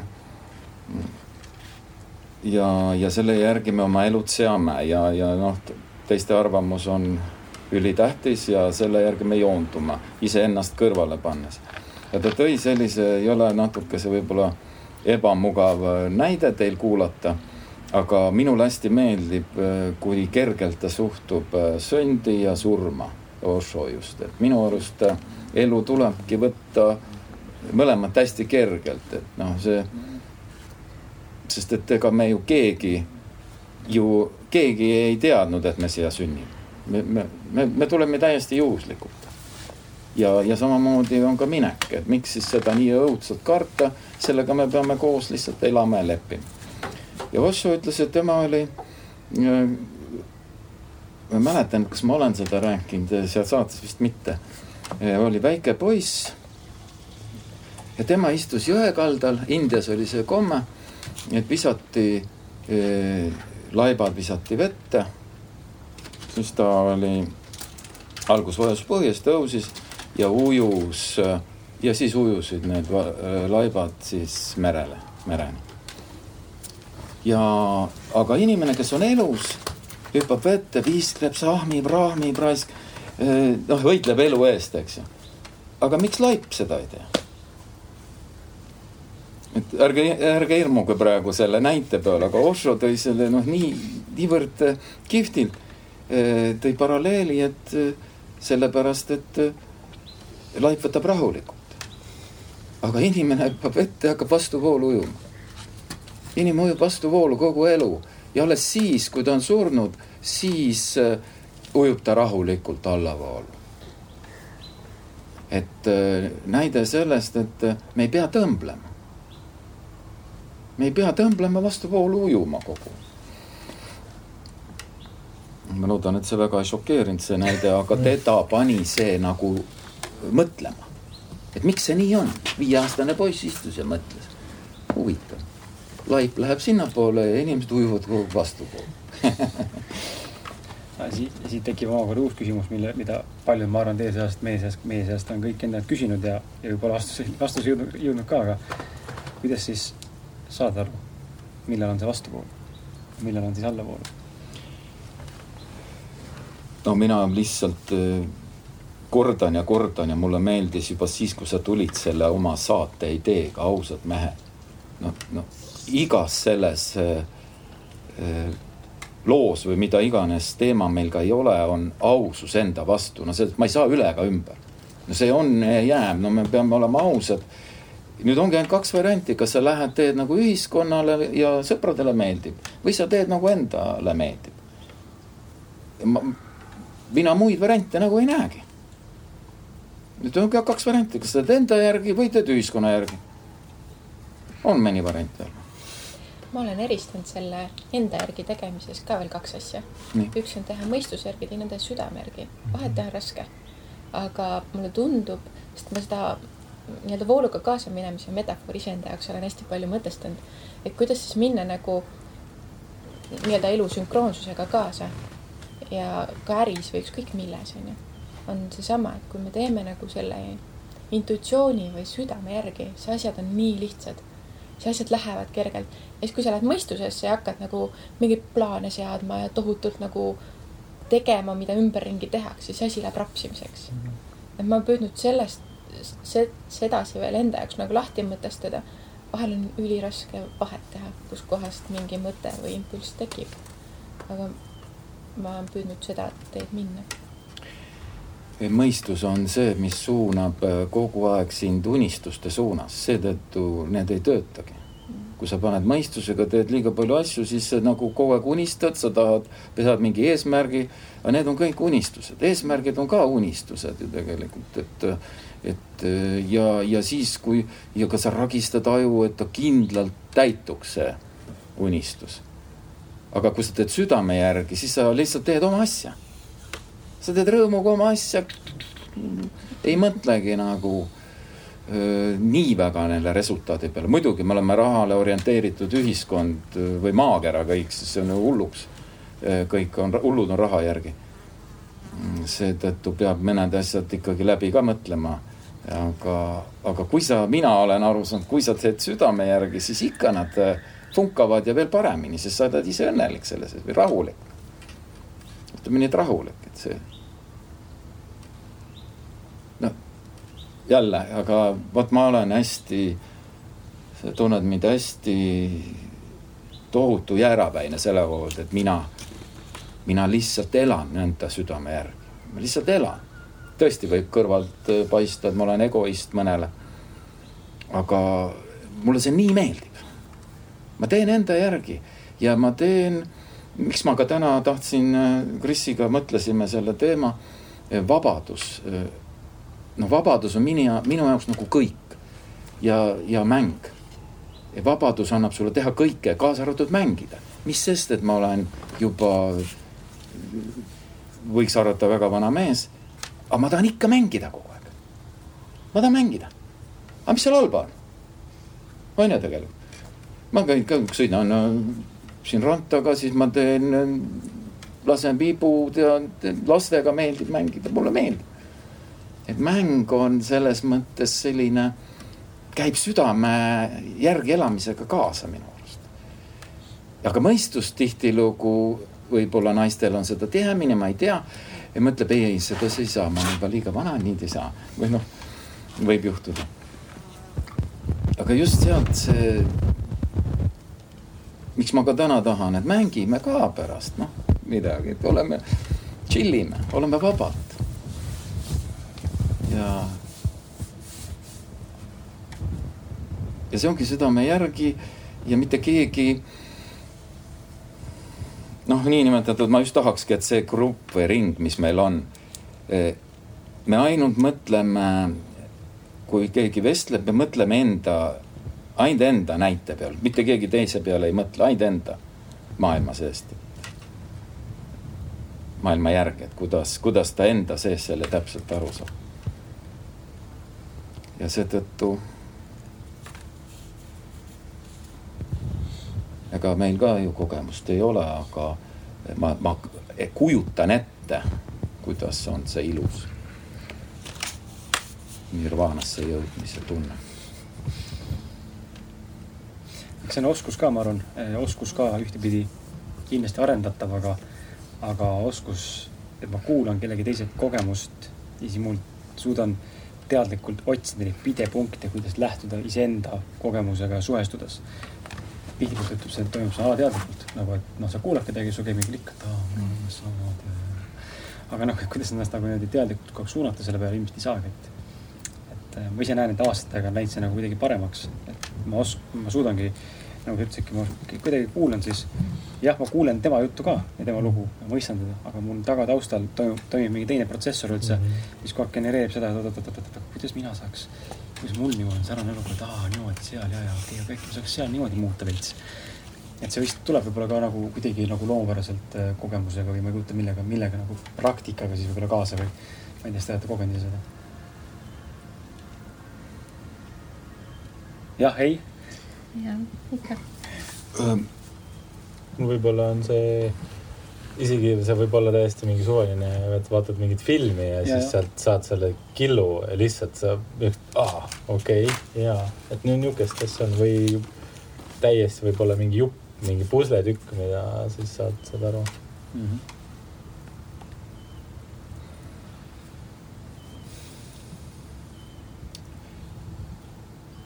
aga kõige, kõige olulisem, mina, ma olen ikkagi seda meelt, et tihtilugu me küll räägime, Osho kutsus selliseid filosofeerimise asju meelelahutuseks. et tegelikult äh, lõppkokkuvõttes me täna lahutame meelt siin. aga, aga mis, kuna ma olen ise selle väga kõvasti selle praktika läbi teinud enda jaoks, siis äh, tõesti tohutu muutumine tekkis siis, kui omandasin võime mediteerida. et see, vot see oli murdepunkt. seetõttu ärge seda üldse alahinnake, mediteerime lihtsalt, mõelge, kui palju mõtteid teil on kümne minuti jooksul a la, neid on meeletult. ja, ja see tundus mulle õige, et peab ju kuidagi need kõik need mõtted ja meeled rahustama maha, et see ja, ja siis, kui sul on see, nad hakkavad sinusse tulema, siis sa kohe laskud nagu meditatsiooni, paned aju seisma, stopi peale. ja see nii õudselt ta aitab kaasa iseenda leidmisele, sest äh, siis sul enam see vada kaob ära et, et kui te vähegi leiate mingit aega või soovi, proovige seda. sest et ainuüksi see on meeletult ilus. kui ma ütlen, vaatan a la ärkan üles hommiku üheksa, täna magan üheteistkümneni. lülitad aju välja, magad, noh, lihtsalt sa ei mõtle enam et noh, muidu on klassika, hakkad mõtlema, oi, mul on täna see, kui ma nüüd tund aega homaga, siis ma ei jõua seda teada, teda ja kolmandat, eks. aga kui sa ei ole, kindlaid plaane ei ole, kellaajalisi tähtaegu pole, siis sa suudad lihtsalt öö, aju välja lülitada ja maha rahuneda. ma arvan, see, seda tasub, tasub proovida ja muidugi lisaboonusena on see, et äh, teised inimesed enam noh, selles mõttes, äh, kuna sa ei, sa ei mõtle midagi üle, siis äh, teised inimesed ei häiri. Nad ei häiri üldse, nad, nad, ma ei. varem oli ikka paratamatult, et oi, miks ta nii käitus, oi, miks ta nii ütles, et aga enam ei häiri. ei pane tähelegi. selline tähelepanek.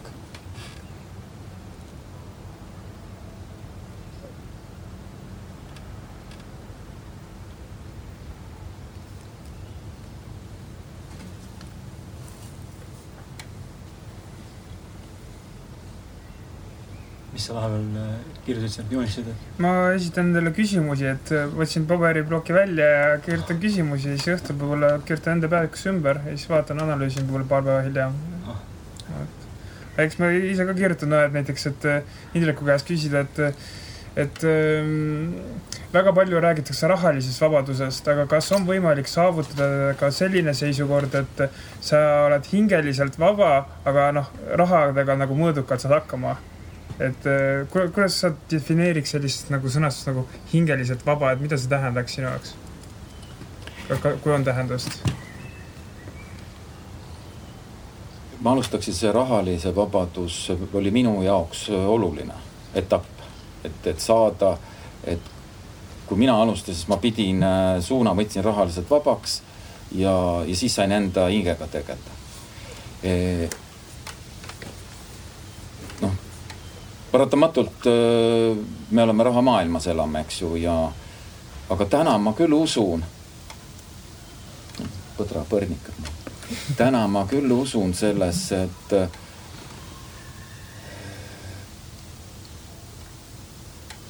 noh, hingeliselt vabaks ongi ju see, et sa oled endaga rahu teinud. jah, ja oled arvamusvaba vist teiste suhtes, et äh....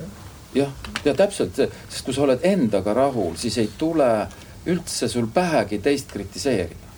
ei tulegi, ausõna, ei tule pähe. sest et sa, sul on nagu kõik hästi ju mina. see kritiseerib see, kellel on endal mingi issue või ta tunneb, et on natuke parem teisest ja siis öö, peab vajalikuks seda ära märkida. aga kui sa oled hingeliselt maha rahunenud, siis äh, seda soovigi ei ole.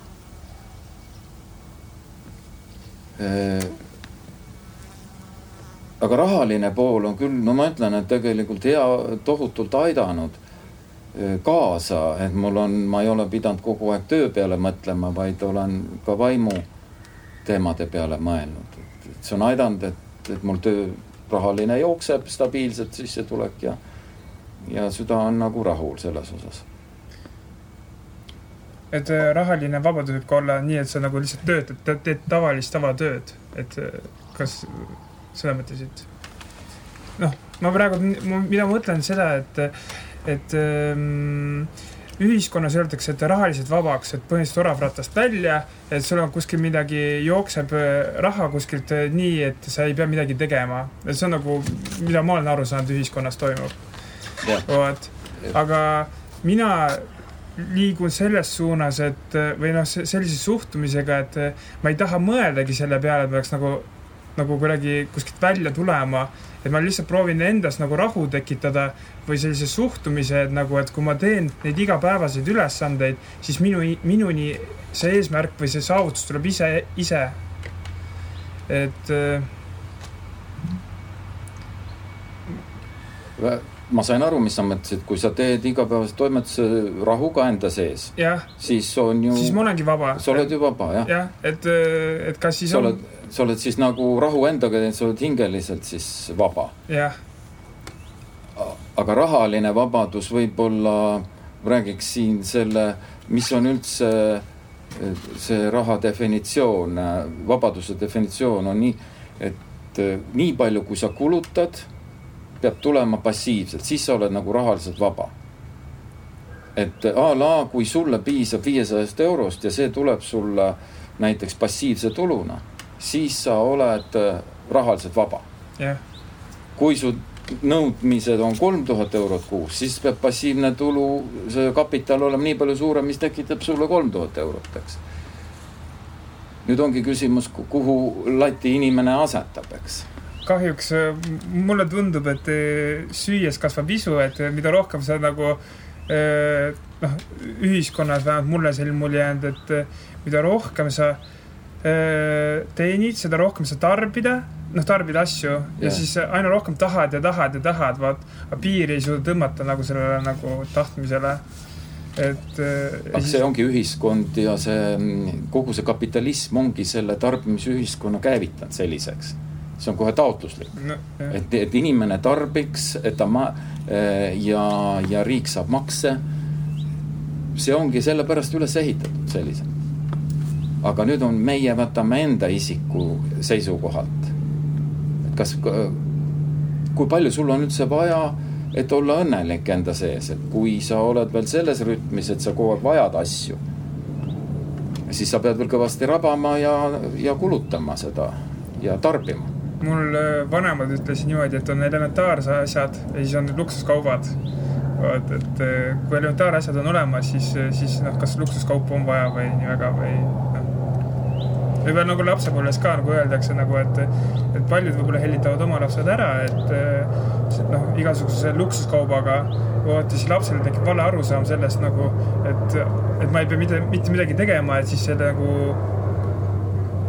luksuskaup tuleb lihtsalt nii iseenesest. vot, aga kui ainult äh, vajalikke asju nagu anda lapsele ja öelda, et luksuskauba peab kuidagi võib-olla välja teenima või, või ise kuidagi. sa ütlesid vastusega enda, enda küsimusesse, ütlesid, et äh, noh, on elementaarsed asjad, mis on nii-öelda siis nagu elus äh, olemise, eluks vajalikud asjad, mis läheb vaja. ja siis on äh, asjad, luksuskaubad, äh, mille üle tuleks mõelda, kas mul on vaja. see ongi see küsimus, kas sul on vaja. see on see vastus, vastus on olemas tegelikult seal. vaja tegelikult ei ole ju ühtegi asjadest, tõenäoliselt mm. -hmm. aga sa tahad neid, kas siis, ma ei tea, mina näen enda pealt, näen, tahan midagi sellepärast, et ühiskond survestab, egoistlikult tahan midagi saada või lihtsalt on unistus, siis tahangi kogeda, kogemuse mõttes. või on tõesti soov seda asja saada mingi põhjusel, sest et seostub midagi mulle äkki, ma ei tea, mingi õnnetunde või rahulolu või mis iganes veel aga üld, üldasjades tegelikult nad, neid ei ole vaja, need on lihtsalt minu tahtmised. seal on see küsimus, ma arvan, kas, kas anda siis nagu tahtmisele järgi või, või siis mm., või siis mitte, ma ei tea. Ennast piirama selles mõttes ei pea, ma ei usu ka, et peab, aga, aga kui sul vaja ei ole, siis sul ei ole ju, pole vaja kuskil on nagu öeldud niisugust asja, kui sa nagu teed seda, mis sulle meeldib, et siis sul tuleb seda raha ka piisavalt nagu, kui sa teed midagi, mis sulle meeldib ja sa teed seda, mis noh, mis sul noh, hästi välja tuleb nagu kui see raha ka tuleb, täpselt nii palju, kui sul vaja on nagu, et see noh, et see nagu pigem tuleb, tuleb otsida, mis sul teha meeldib nagu, et mm. leida see, mis sul teha meeldib, mis sul hästi välja tuleb, et küll siis see raha tuleb nii palju, kui sul vaja on. täiesti nõustun. ma olen kogenud seda. Mida? et raha tuleb täpselt nii palju, kui vaja, et sa saaksid teha seda, mis sa täna eh, teha soovid. mina lähen, lähtuks, lähen natuke tagasi, mina olen kogenud seda versiooni, et eh, kõik asjad äh, kõigepealt olen ikkagi soovinud ära tarbida mm. -hmm. ma tahan ikkagi, kui on, pakutakse luksuskaup, ma tahan kõike, eh, vastasel juhul ta jääb mulle äkki kuklasse kummitama ja ma soovin teda, ma pean ära selle, ma pean seda oluliseks, et inimene, kui tal on see kindel soov, siis ta ikkagi teeb tööd selles suunas, et ta selle saab. see oli sinu mm, küsimusele selline lähenemine, et see on nagu vajalik, aga vastasel juhul sa ju ei tea muidu, kui mõttetu asi see luksasi on. kui sa pole teda ära tarbinud äh,. aga, ja siis sa tarbid ära, vaatad, jumala auto. ma ostan viiekümne tuhandese auto, kahe aasta pärast on ta kakskümmend. Ja tegelikult oli äh, iga teine auto sõidab ju aga samas see auto võib-olla pakkus emotsiooni, et äh, võib-olla inimene ostabki noh, emotsiooni selle summa eest, et. Äh, nojah, aga. emotsiooni võid sa täita lõpmatuseni. aga siis, siis sa saad täita lõpmatuseni, siis oled lõpmatuseni ka vaene sa ei saa ka vabaks kunagi. seda küll jah. sest et What? kõik su raha läheb asjadele ja siis ühel hetkel, vot nüüd hakkan vaimselt nüüd tegelema. Ja siis sa ei saa, sest sul pole raha, sa pead tööl käima. sa ei saa nagu, sest sa oled kõik ära tuulutanud lukskauba peale, eks et õigel hetkel tuleb nagu stopp panna või aru saada, millal noh, millal see jama lõpetada, eks ju, see liigne tarbimine. et ka seetõttu ka mina olen tarbinud varem, aga nüüd ma olen väga askeetlikku elu valinud, sest et ma olen mõistnud, seda pole vaja. mul pole mitte midagi vaja. Lõppkokkuvõttes, kas ta nüüd on siis nüüd luks või ei ole luks, tarbin, eks. aga aga see, mis äh, Urmas olid jah? Urmas ütles. Äh, see, see mulle tundub, et on nagu juba rahu endaga teinud ja sa oled mõistnud, et ma teen oma tööd ja ma olen rahul sellega. väljendasid ennast nii, eks? jah, et ma teen ju rahulikult oma tööd, see mulle meeldib, mul on kõik olemas, elu on lill see võrdub natuke sinna selle askeetliku elu mööda, et teen rahulikult oma rida ja, ja üle üle ei tarbi ja, ja inimene lepib sellega, siis on ju kõik hästi. nojah. jah. seal on lisaks... väga suurt rolli, eh, kuidas meie ajus dopamiin nagu toimib, et eh, väga paljud on sõltuvuses sellest dopamiini vajadusest, sest et tahavad seda asja saada, et saab selle asja ära, siis läheb see ihaldus mööda, siis tahab uuesti seda asja mm. -hmm. see sõltuvus nagu dopamiini vastu, mis ajukeemias meil kogu aeg käib. aga kuidas see dopamiin tekib? emotsioonist. see tekibki sellest jah, emotsioonist, sa saad selle asja, et see paneb selles ajukeemias selle käima kohe. samamoodi tekib mingi alkoholisõltuvus, narkootikumisõltuvus, ka käivitab selle dopamiini. kui sa ei teadvusta seda endale, siis oledki selle küüsis, sealt välja ei saa no sellepärast ongi minu sõnum lihtne, ära unista ja dopamiini ei teki. Mis ei tähenda, sa istud lihtsalt äh, ilma midagi tegemata sada, järgmised sada viiskümmend aastat vaid, aga yeah.. aga see kolmas variant on ka tegelikult sealt sinu äh,, Urmas, sinu mõttest tuletatuna, ka see, sulle viimati mainisin, Venemaa kirjanik Vadim Seeland tegelikult puudutas ka seda enda raamatus, kus ta rääkis sama asja, et, et ta näeb nagu seda enda kogemusest ja ma ise näen ka et on hetki, kus ma näengi, et asi, mis ma olen otsustanud eh, teha või ära, ära teha või ette võtta, teadmata, palju mul läheb selleks raha vaja, siis see raha kuskilt tuleb. Eh, ilma, peaks isegi mõtlema, palju mul nagu reaalselt vaja on. ja siis ta, tema see mõte oligi see, et kui me anname nagu mingi taotluse või eesmärgi välja või noh, me tahame teha midagi, me oleme otsuse teinud. et see isegi ei ole nagu spirituaalne kontekst, vaid puhtalt see, ma võtan vastu otsuse, ma nüüd teen ja lähen liigun millegi suunas. Eh, panustan, siis, siis see raha tuleb nii või naa, kui see on asi, mida me peame tegema, kui see on meile mõeldud nii-öelda. või võimalused. või, või võimalused jah, et tõin nagu näite, et kui sina oled, et noh, Elon Musk või siin suured inimesed, kes on siin maailma, maailmakuulsad inimesed, kes teevad siin, ma ei tea, mis iganes ulmeprojekte, siis nendel lähebki vaja, noh, seda ka Sõõrumaa, Sõõrumaa, tegelikult Sõõrumaa tõi seal saates väga näite enda kohta, ütles, et temal on elus antud seda raha siin maailmas. Urmas Sõõrumaa siis andis mõtte, et on antud raha siin elus, et teha neid asju sest et see on asi, mida ta peab tegema, see kinnisvaraarendus, see on tema nagu tee, ta tunneb, et see on tema värk. ja tal ongi täna piisavalt raha, et ta saaks selles vallas tegutseda, sest see on tema pärusmaa siin, siin, siin Urmas Sõõrumaana. et võib-olla mul on siin see podcast või keegi on siin poemüüja või siis tal ongi piisavalt raha, et seda poemüüja ametit nii-öelda justkui eh, vedada, mis ei tee, ei tee tast kehvemat inimest. ühiskond paneb see pildi, et üks on kehvem, üks on parem, onju. aga lihtsalt meie eh, need tööasjad, mida me teeme või asjad, mida me ette võtame, on lihtsalt erinevas eh, mahus ja erinevas mastaabis erineva suuruse, erineva nagu nii-öelda maksuvuse või nagu ma ei teagi, äh, ressursiga. see, see mõte rahustas mind nagu maha selle koha pealt. kas sa oled seda kogenud? Äh, väga palju olen seda kogenud, väga palju nagu lihtsalt, et sa hakkad midagi tegema ja, ja, ja kuskilt, äh, kuskil ja sa saadki, sa saadki täpselt nii palju, et see asi ära teha. ei ole, ei ole tavaliselt nagu niimoodi kuhjaga rohkem, ma teen, tahan anda raamatut välja, et raamatu andmiseks läheb vaja neli tuhat eurot ja siis mul kuskilt, kuskilt tuuakse kümme tonni, et näe, võta see kuus, pane niisama kuskile magama ei ole niimoodi, ma saan täpselt enam-vähem selle summa, mis on vaja, et see projekt ellu viia. ja siis see juhtubki. ja sealt, kui midagi tuleb, siis see on teine asi, aga just nimelt see projekti nagu elluviimise hetkel või mingi asja tegutsemise hetkel on see, kus ma olen näinud väga palju, kuidas elu toetab täpselt siin nii palju raha, kui sul täna on vaja mingi asja tegemiseks mm. -hmm. aga võib-olla see ei ole nii kõigi puhul ja võib-olla see ei pea paika, aga see on, mis ma ise näinud, näinud ka olen ja see väga kõnetas mind. just see mõte nagu. mina ja. küll olen kogenud seda päris palju. mina ka et ma alustasin oma ettevõttega samamoodi, mul oli see otsus, et nüüd ma tahan. on kohvik on ju? ja, ja see tuli nagu kõik ise kuidagi hakkas looma. ja samamoodi olid rahaprobleemid, midagi, mõtled korraks, et issand, et võiks nagu, raha võiks rohkem olla ja siis läheb viis minutit mööda, helistab mulle Wolt, ütleb, kuule teeks ühe kampaania nagu mm -hmm.. okei okay., või siis mingi ettevõte võtab ühendust, et tahaks nagu iga päev teie käest tellida mm. -hmm. no mingeid selliseid asju nagu elu no, ise viskas kogu aeg mida ei osanud enne nagu ette näha, ratsionaalselt mõelda, et jaa, see on üks lahendus. keegi võiks iga päev süüa tellida minu juurest. no näiteks jah ja..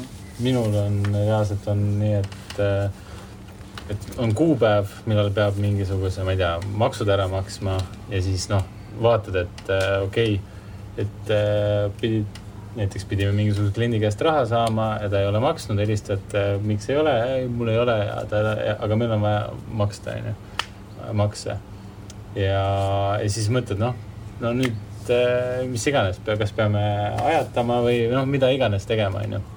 ja siis, ja siis mõtlen, et okei okay,, a la, et üks päev on veel aega, et ootan. ja, ja siis täiesti lampi võib astuda klient sisse ja osta kas sama päev osta mingisuguse asja, et, et täpselt saad selle maksud ära maksta, et ma ja olen korduvalt, korduvalt kogenud seda. ühe korra mul oli lausa niimoodi, et mul kokk jõulude ajal mängis seda Pahvi kogu aeg, seda hasartmängu onju. ma pole elus mänginud kunagi.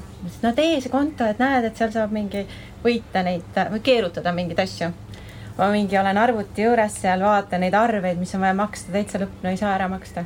ja siis äh, samal ajal klõpsisin seda Puffi ja võitsin lihtsalt tuhat kolmsada eurot. ja ma sain kõik oma arved ära maksta ja siiamaani ma pole rohkem mänginud. et lihtsalt nagu jah, mul oli nii väga vaja, mõtlesin, et issand, kuidas ma saan selle, selle nagu lahendatud.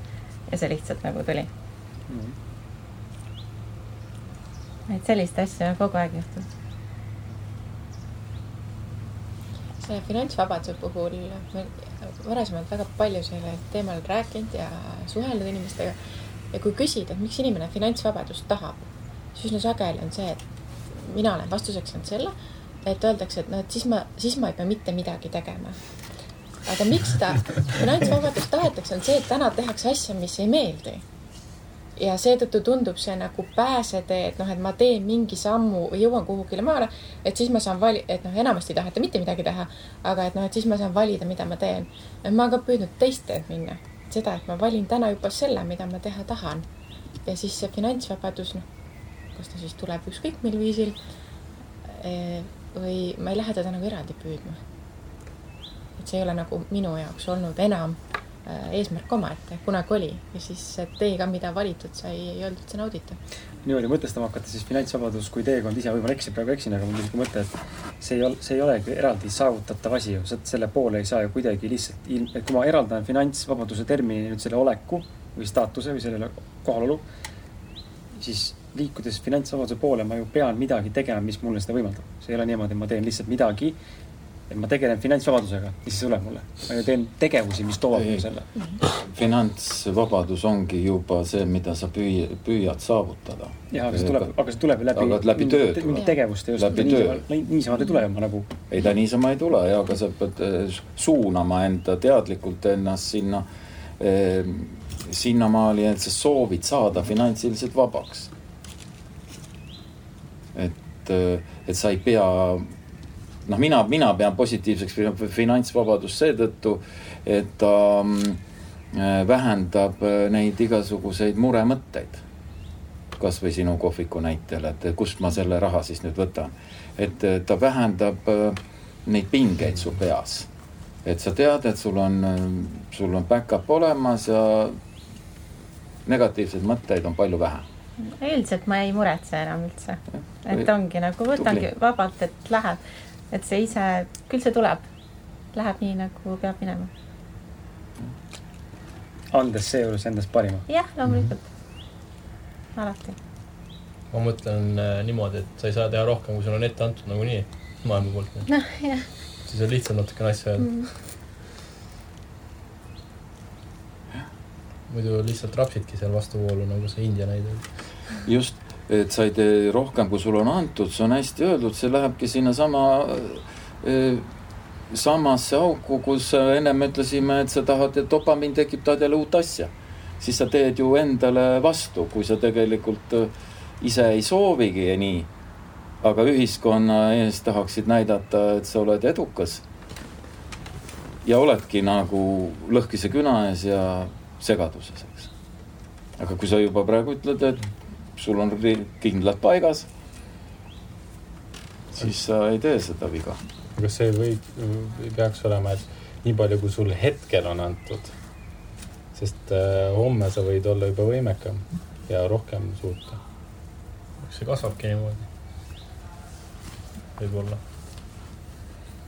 suuta mida siis, raha kokku ei no ajada? ei, ma mõtlen üldse nagu mingisugust tegevust teha, et, äh, et mitte äh, ma ei tea, võtan ennast näiteks kaks aastat tagasi, kui palju ma jõudsin äh, võib-olla tõmmeldes nagu äh, rahmeldades jõudsin tehtud ja palju ma täna jõuan rahulikult tehes on hoopis äh, öö ja päev, ma jõuan kaks korda rohkem väga rahulikus sellises tempos teha kui, kui varasemalt, et.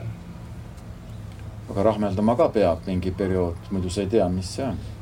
jah vanasti sai seda kõvasti, et vanasti nagu, nagu. vanasti nagu jah, vanasti jah. ei no on äh, seda asja juba kümme aastat tehtud, siis ja, nagu, siis on ikka kõvasti.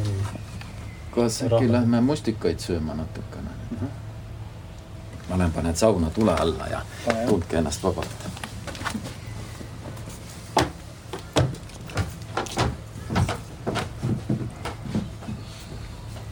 huvitav jah. sinu, sinu jutu kuulates tuli, tuli korraga kargas pähe see isa teema jälle, ma lugesin Osho raamatust. ei olnud Osho raamatut, valetan. kes see ütles mulle seda, aa, Timo, Timo Porban. ma rääkisin Timoga, Timo nagu.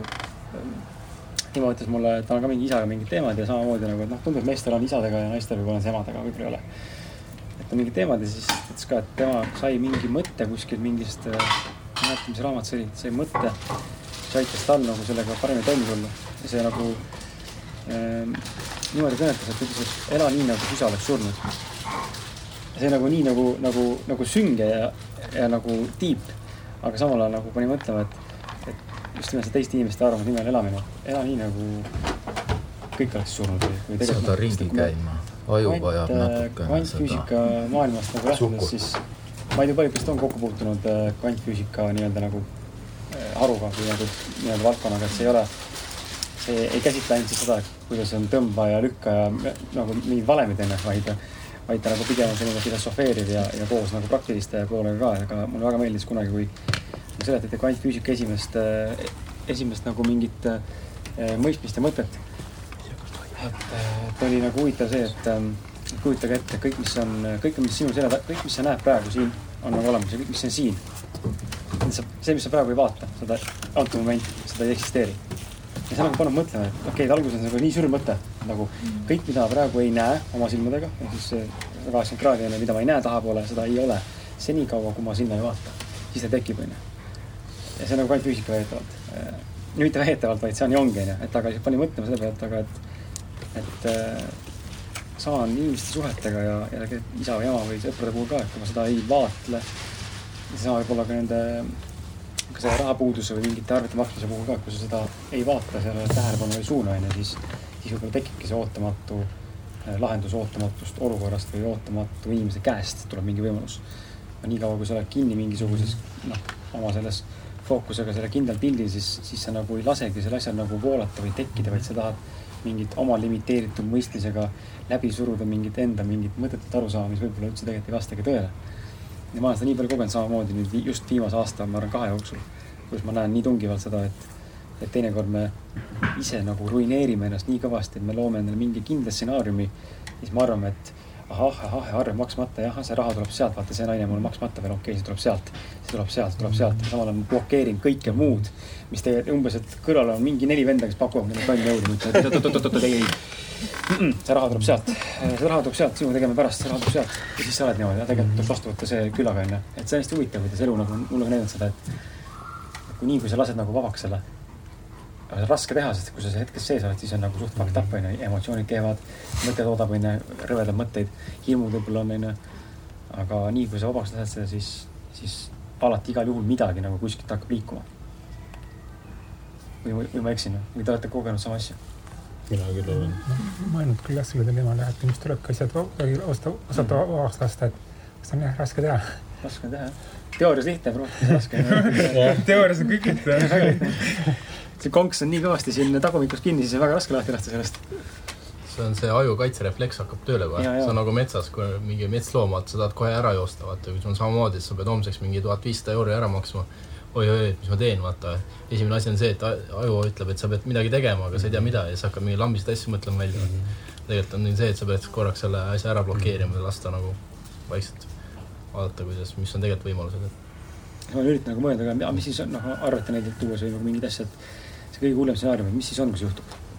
mis siis on? Mm -hmm. nagu ära ei sure ju. jah. noh, okei okay., olen siis äh, ma ei tea, X summa kellelegi võlgu mm -hmm. või, või jäi see asi saama, saamata, tegemata. So what mm, -hmm. life goes on, homme äkki on veel parem üllatus mm. -hmm. et nagu, aga me ei suut-, ikkagi see on kuidagi jah, see on nii nagu kuidagi, teagi, nii ruineeriv lihtsalt. et see halvab nagu kogu sinu selle olemise. mul on näiteks just, ennem rääkisime sellest, et äh, kuidas äh, noh, ühiskonnaga või kellegi teisega suheldes, et äh, kui sa, kui ma olen, ma olen, mõelnud, et äh, näiteks, et tahan mingisugust asja nagu öelda kellelegi ja siis mõtled, et kurat, äkki see nagu ärritab teda või äkki see talle ei meeldi või kas näiteks, ma ei tea, elukaaslasele või, või enda äh, ettevõtluse partnerile siis äh, ja siis ma mõtlen, et kurat, äkki ikka mõtled igasuguseid asju ja siis üks hetk äh, lased see, selle lahti, ütled, et aga vahet ei ole, mis ta ütleb, et noh, umbes öelgu kasvõi sitasti.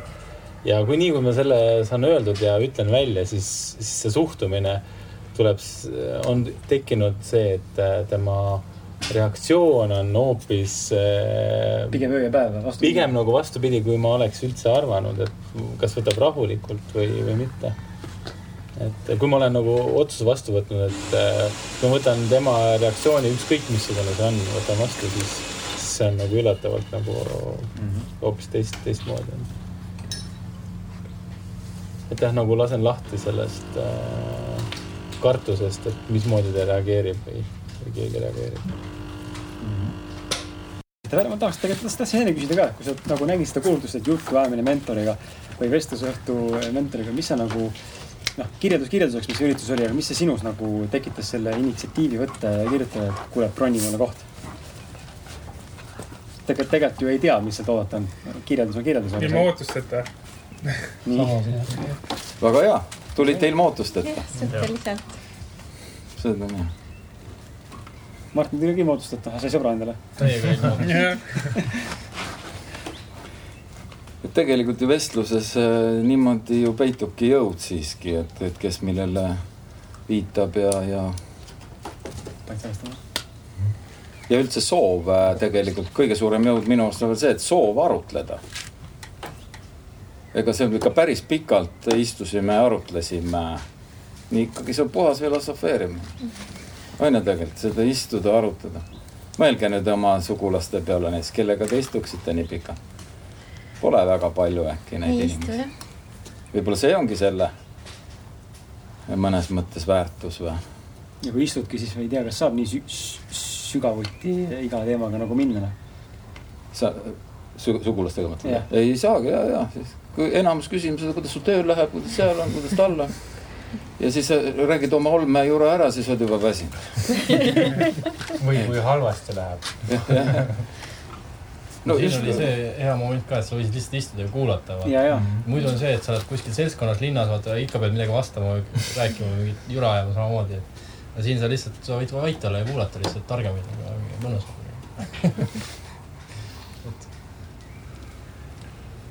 et, et miks meile just Krisiga see filosofeerimine siin, kui tema on käinud, meeldib, ongi just see, et see eh, noh, mina olen, ausõna ütlen, ma olen lõpmatult väsinud, lõpmata väsinud Olmäe juttudest. ma, ma olen lõpmata väsinud, ma ei oska teile seda sõnadesse panna. see on minu jaoks nii tühi jutt, nii tühi mull, eh, kurnav ja eriti ma lähen eh, noh, siis mu rahu on kadunud, kui jälle tööst rääkida mis tööd sa praegu teed siis? ja, ja siis ma väsin hirmsasti ära, sest et ma ei pea vajalikuks sellest kogu aeg rääkida. mida, mida siis töö juures nüüd teisiti on? Ja. uus kolleeg ja noh, tead noh. tihti teist inimest ei huvitagi. Aga vaata, see on see, et eh, mis inimese jaoks on oluline. kui sa küsid, et kes sa oled, mõne jaoks on esimene asi, et ahah, ma olen raamatupidaja. Ja ongi.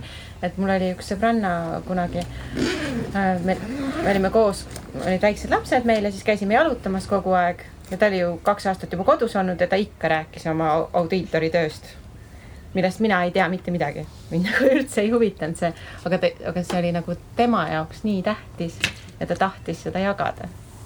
vaata, see ongi läbi, läbi mille, läbi mille inimene ennast äh, äh nii-öelda siis äh, mõistab või mõtestab või, või sildistab või kogeb esimesena? minu meelest see on jah nii huvitav alati küsida, et nii, kes sa oled, et millest sa alustad, kas sa oled, ma ei tea, kas sul on pere, kas ma olen, ma ei tea, pereema, kas sa oled ettevõtja, kas sa oled, ma ei tea, sulle meeldib see spordiala või mis iganes, et see on nagu hästi-hästi põnev alati kuulata.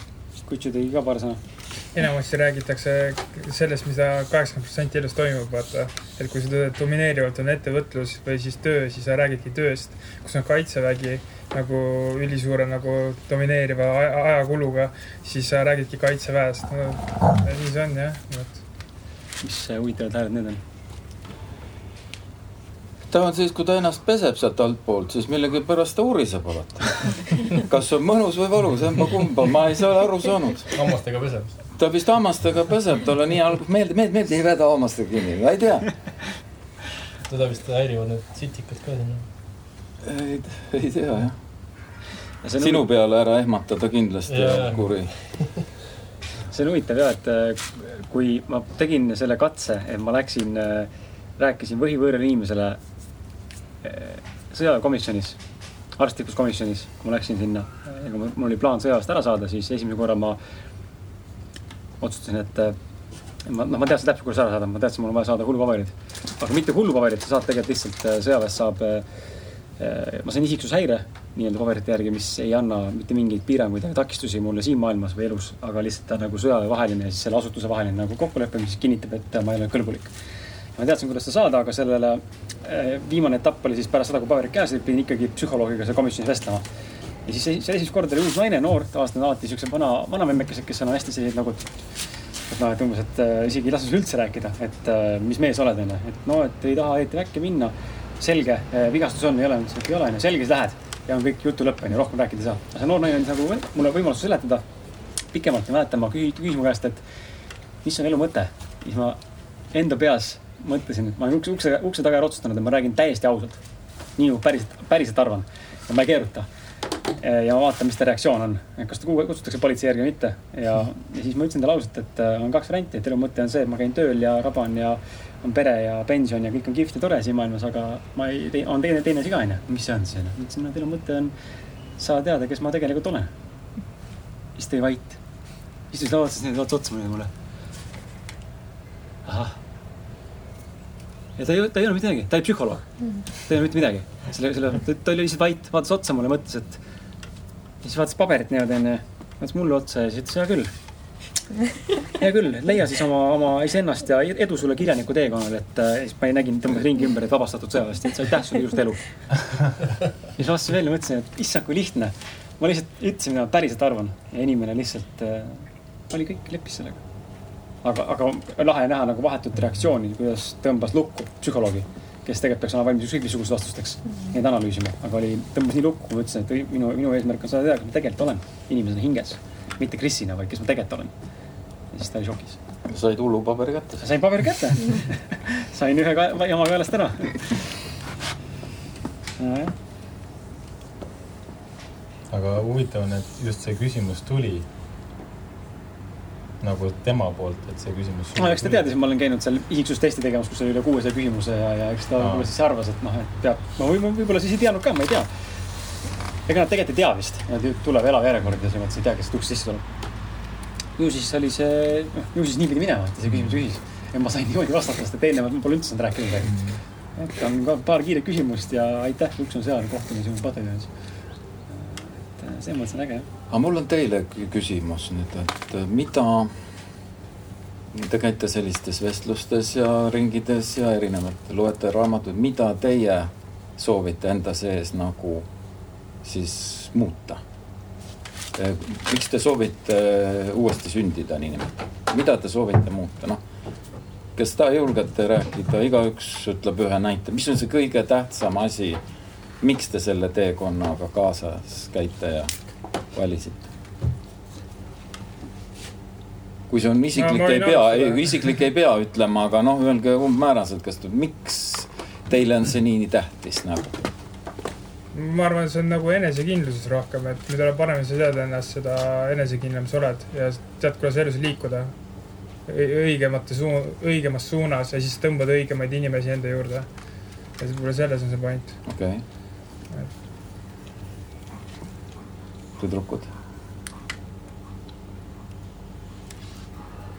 sihuke jube üldine vastus, aga, aga minu jaoks võttis üks, ma kuulsin just ühte lauset, mis mind hästi kõnetas. ja see oli elada hingest hingele.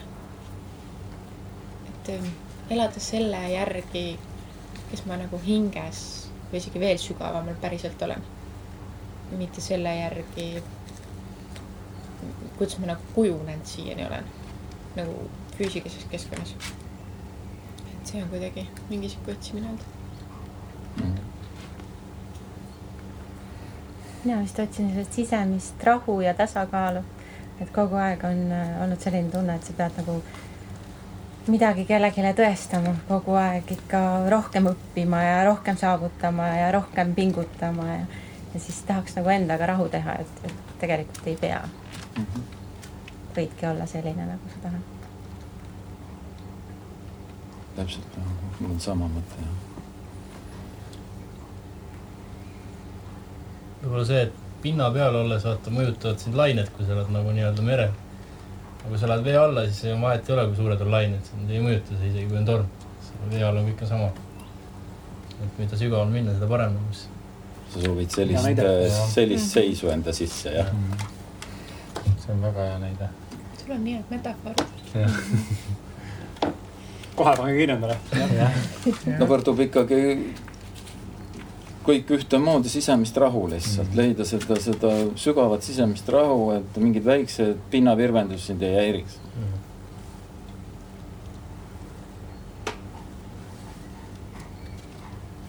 täpselt.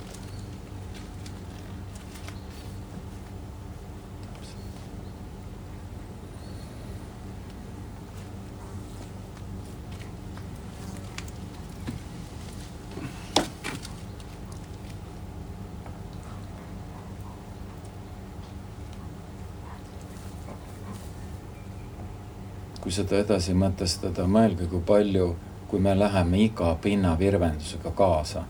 mõelge, milline virvarr ja milline segadus on tegelikult siis ju sinu sees.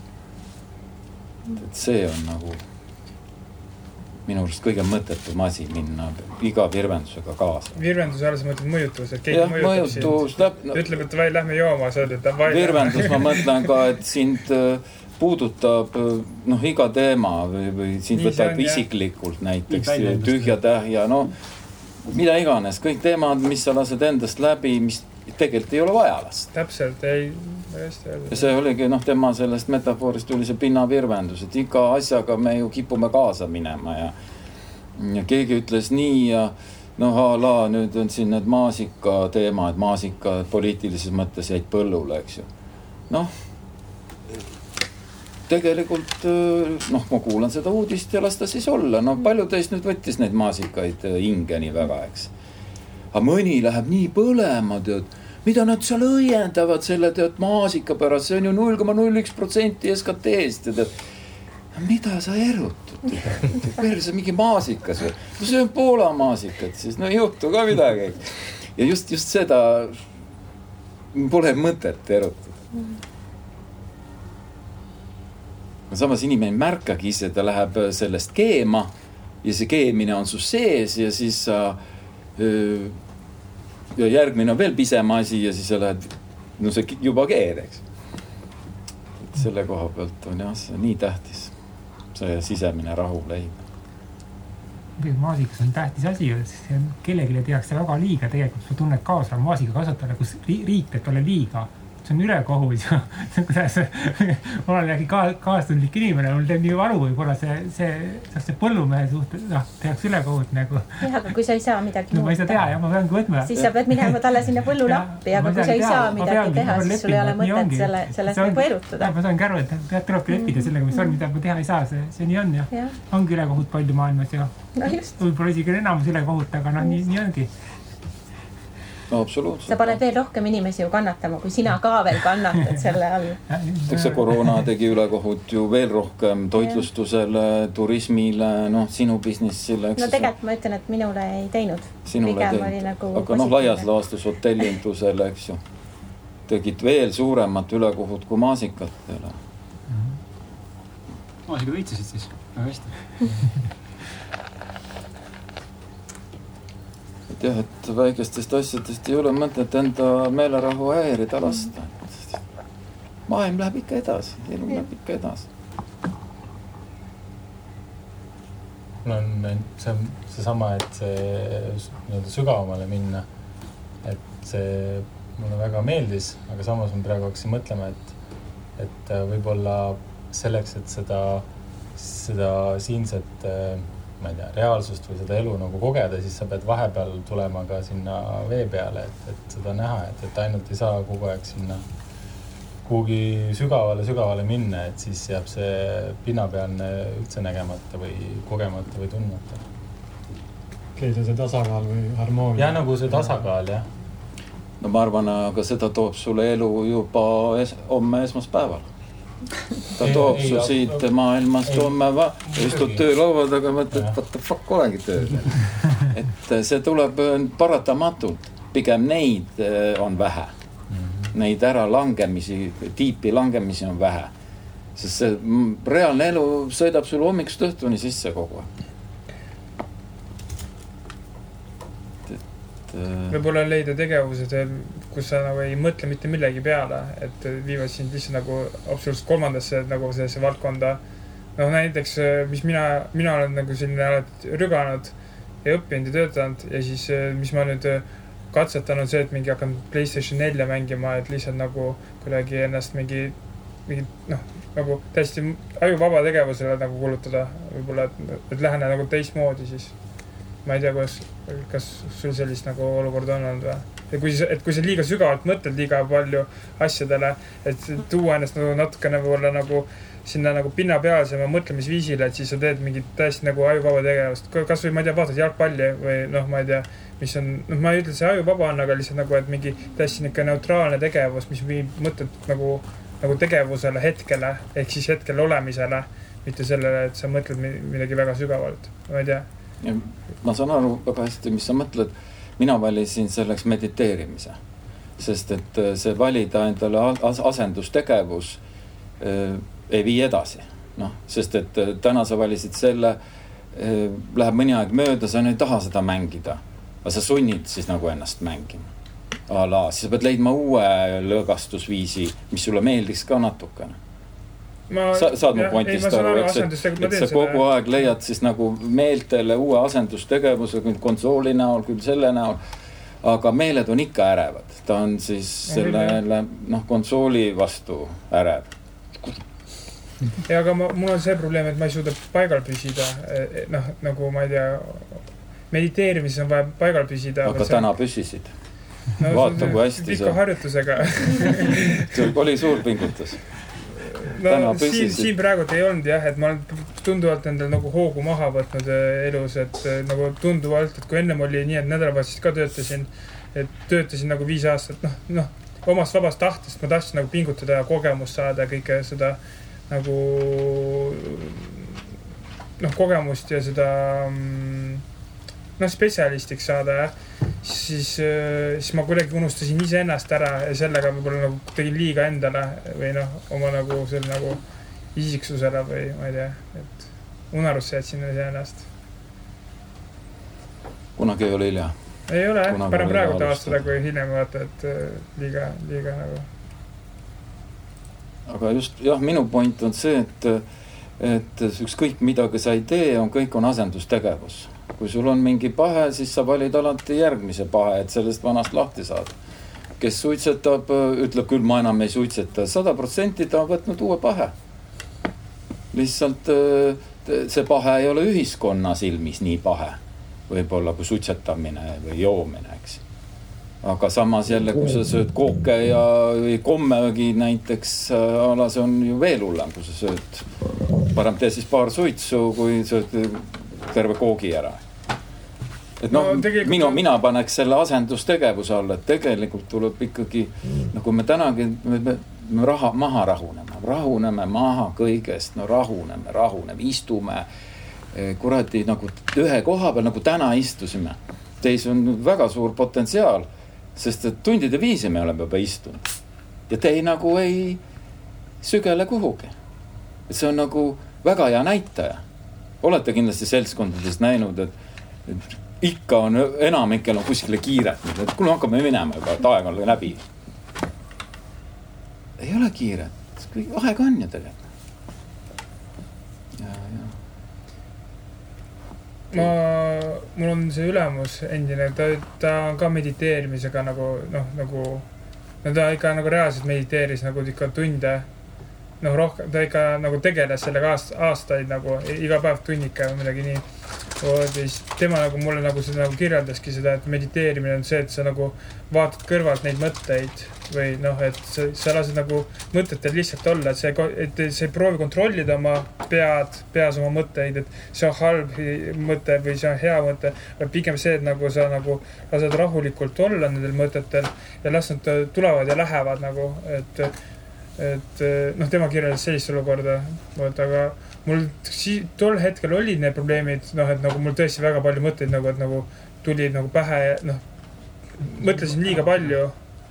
vot ja siis eh, nüüd, nüüd on tunduvalt nagu kergemaks läinud, ainuüksi sellepärast ma nagu magan rohkem nagu.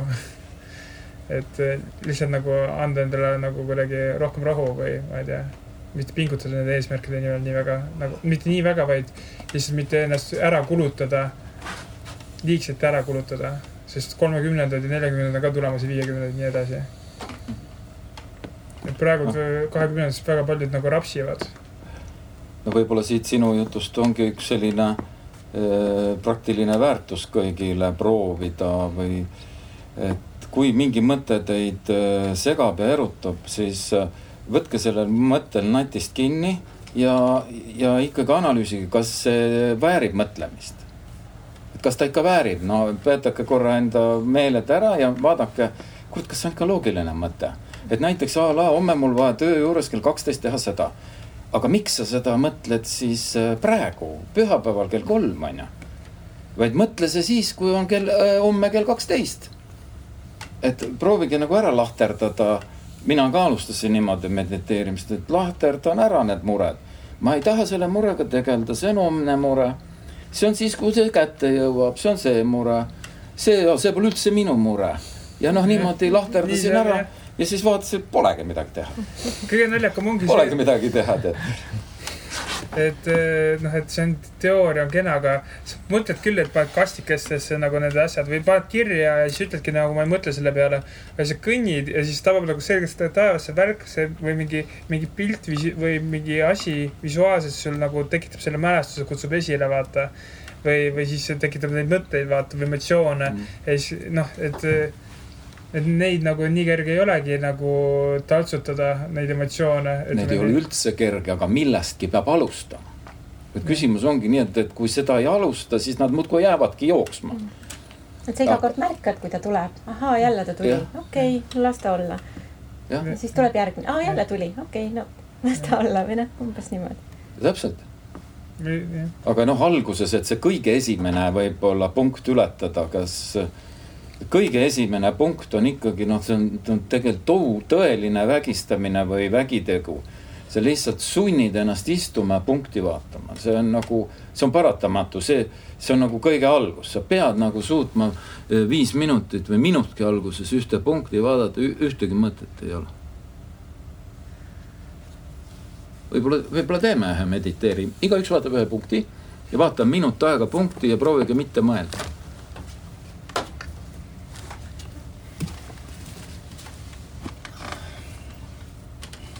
Hästi hoolega jälgige seda punkti.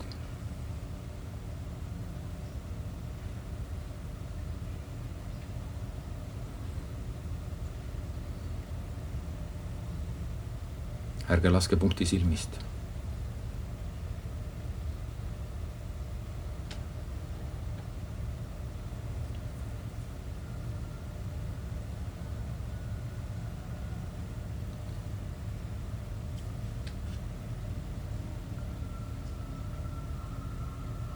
punkt on mõtetes ainult.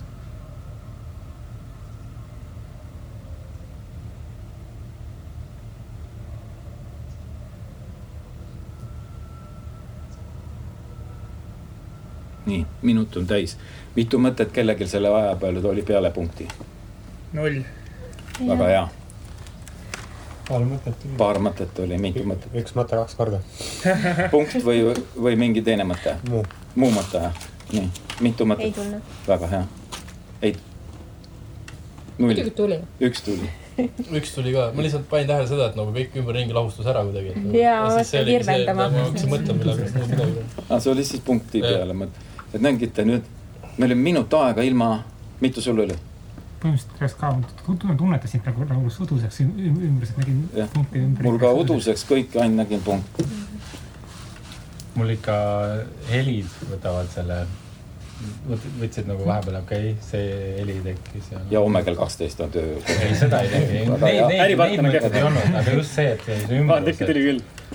Nonii, näete nüüd ise, minut aega ja keskmine praegu oli üks mõte. aga minutis üks mõte, see on juba väga hea tulemus. nüüd niimoodi edasi teha ja proovige jälgida, et ei tuleks seda jooksvaid mõtteid pähe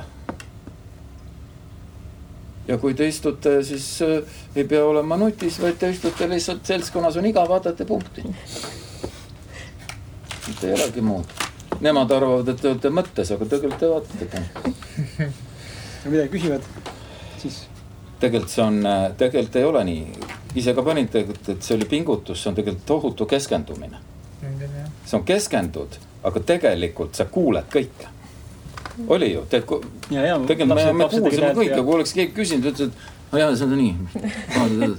tegelikult me kuuleme kõike. ja nii ongi, ükskõik kus te olete, töö juures pole midagi teha, ärge mingit Delfit scroll ima, seal ei ole midagi, eks ju. ahah, treeni, teen trenni, see on nagu trenn kogu aeg. kuidas sina neid mõtteid eemal lükkad, kui tuleb, vaatan praegu punkti ja ma tunnen, et tuleb mingi mõte näiteks, praegu ei tule ühtegi, aga tuleb kuidas sa selle nagu nii-öelda nagu ära likvideerid kohe, et mõtled selle peale, ma peaks nagu, kuidas see tehniline pool on, mis sinu kogemus on? no mul, mul, ma pean tunnistama, et mul ei tulegi neid mõtteid enam pähe. aga kui, kui oled, kui tulid? kui tulevad. kui tulid ja kui tulevad? no siis ma ikkagi alati lahterdan, et mis see annab mulle. et mis see, mis see mõte annab mulle praegu? mitte midagi, see, see ei puuduta mind mm -hmm.. võib-olla tõesti kuna ma nii õudselt iseennast armastan, siis äh, mul täiesti ükskõik, äh, mis teised arvavad seetõttu, et äh, ma lahtan ära, see ei ole minu mure. ma kingin sellele, kes muretseb. võtke, kes muretseb, ei ole minu mure. aga ma kellelegi ju haiget ei tee, eks ju, aga ma kingin teile ära, kui teie tahate muretseda, siis te nagu muretsege. aga te ju ka keegi ei taha teise muret muretseda. nii et ma tegelikult panen ta kohe kõrvale. ja trenni hakkasin tegema selles, selles mõttes alguses pean tunnistama, et ma ütlesin endale kogu aeg, küll kõlab nüüd inetult, aga ma ütlesin, ah mul pohhu, mul pohhu. paljud ütlevad niimoodi.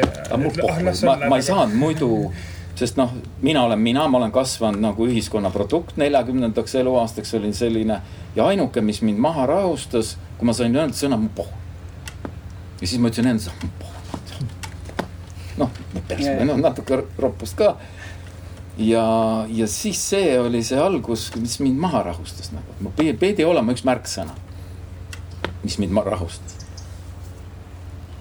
ja siis juba, juba edaspidi hakkas see punkt oli väga oluline, ilma selleta ei saanud. pidi, pidi punkti vaatama, sest et mõtted muudkui ütlesid just see punkti valimine ka tundub olevat natuke nagu oluline. mul tuleb meelde, Sharma õpetas roosi vaatamist, aga ma, minu arust see oli väga raske, ma hakkasin roosi üle analüüsima. milline see õis on ja kas ta on ikka avaneb piisavalt ja mis seal sees huvitav on, punast värvi ja hästi-hästi häiriv oli.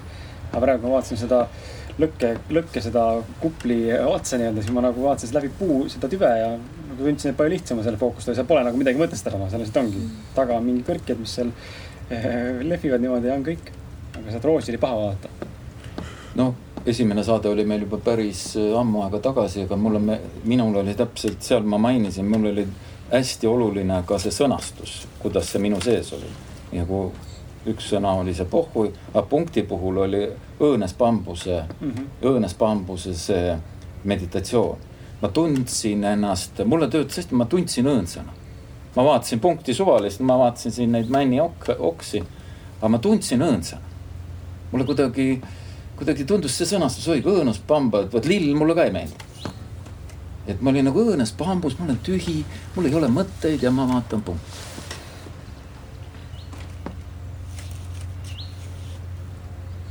ja ma garanteerin teile, ühel päeval, kui te olete punkti harjunud vaatama, on nõme seltskond, te kohe lülitate välja, vaatate punkti. see töötab. ja lõpuks saad aru, aastaid läheb mööda, siis mõtled mida ma siin seltskonnas teen no kui, kui mõni seltskond nõuab liiga tihti punkti panna. aga see punkti vaatamine vist ennem on, või noh, siis on vist lihtsam, kui sa oled veits pohhuist juba. et sa oled selle leveli ära teinud, et sul ongi nagu savi kõigest nagu.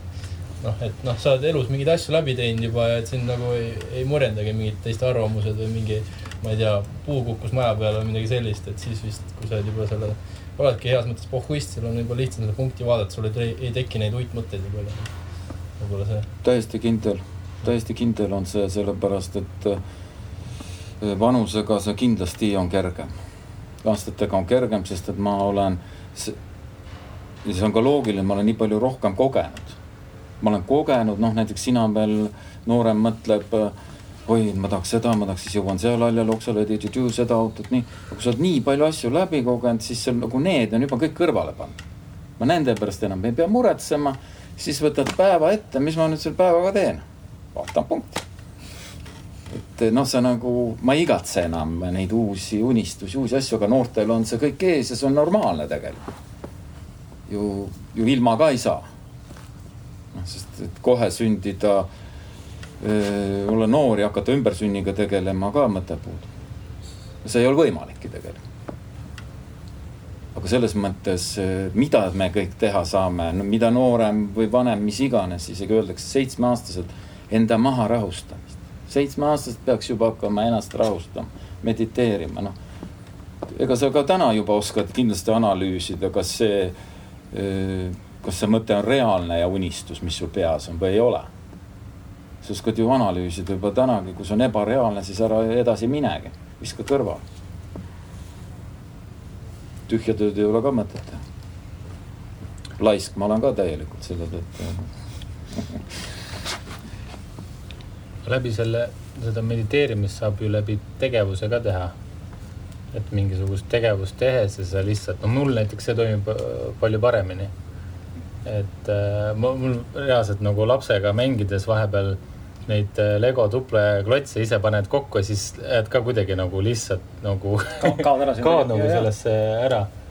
et nagu teed seda ja kaod lihtsalt sellesse, et oled, oled seal, seal nende klotsidega, ma ei tea. no mul on selleks sport näiteks, jooksmine mm. või jah, jooksmine. jooksmine. no ka, siis see on mediteerimine, kui sa ei mõtle jooksmise mm. ajal. ja, no ei, ei mõtlegi. jah, siis see ongi jah.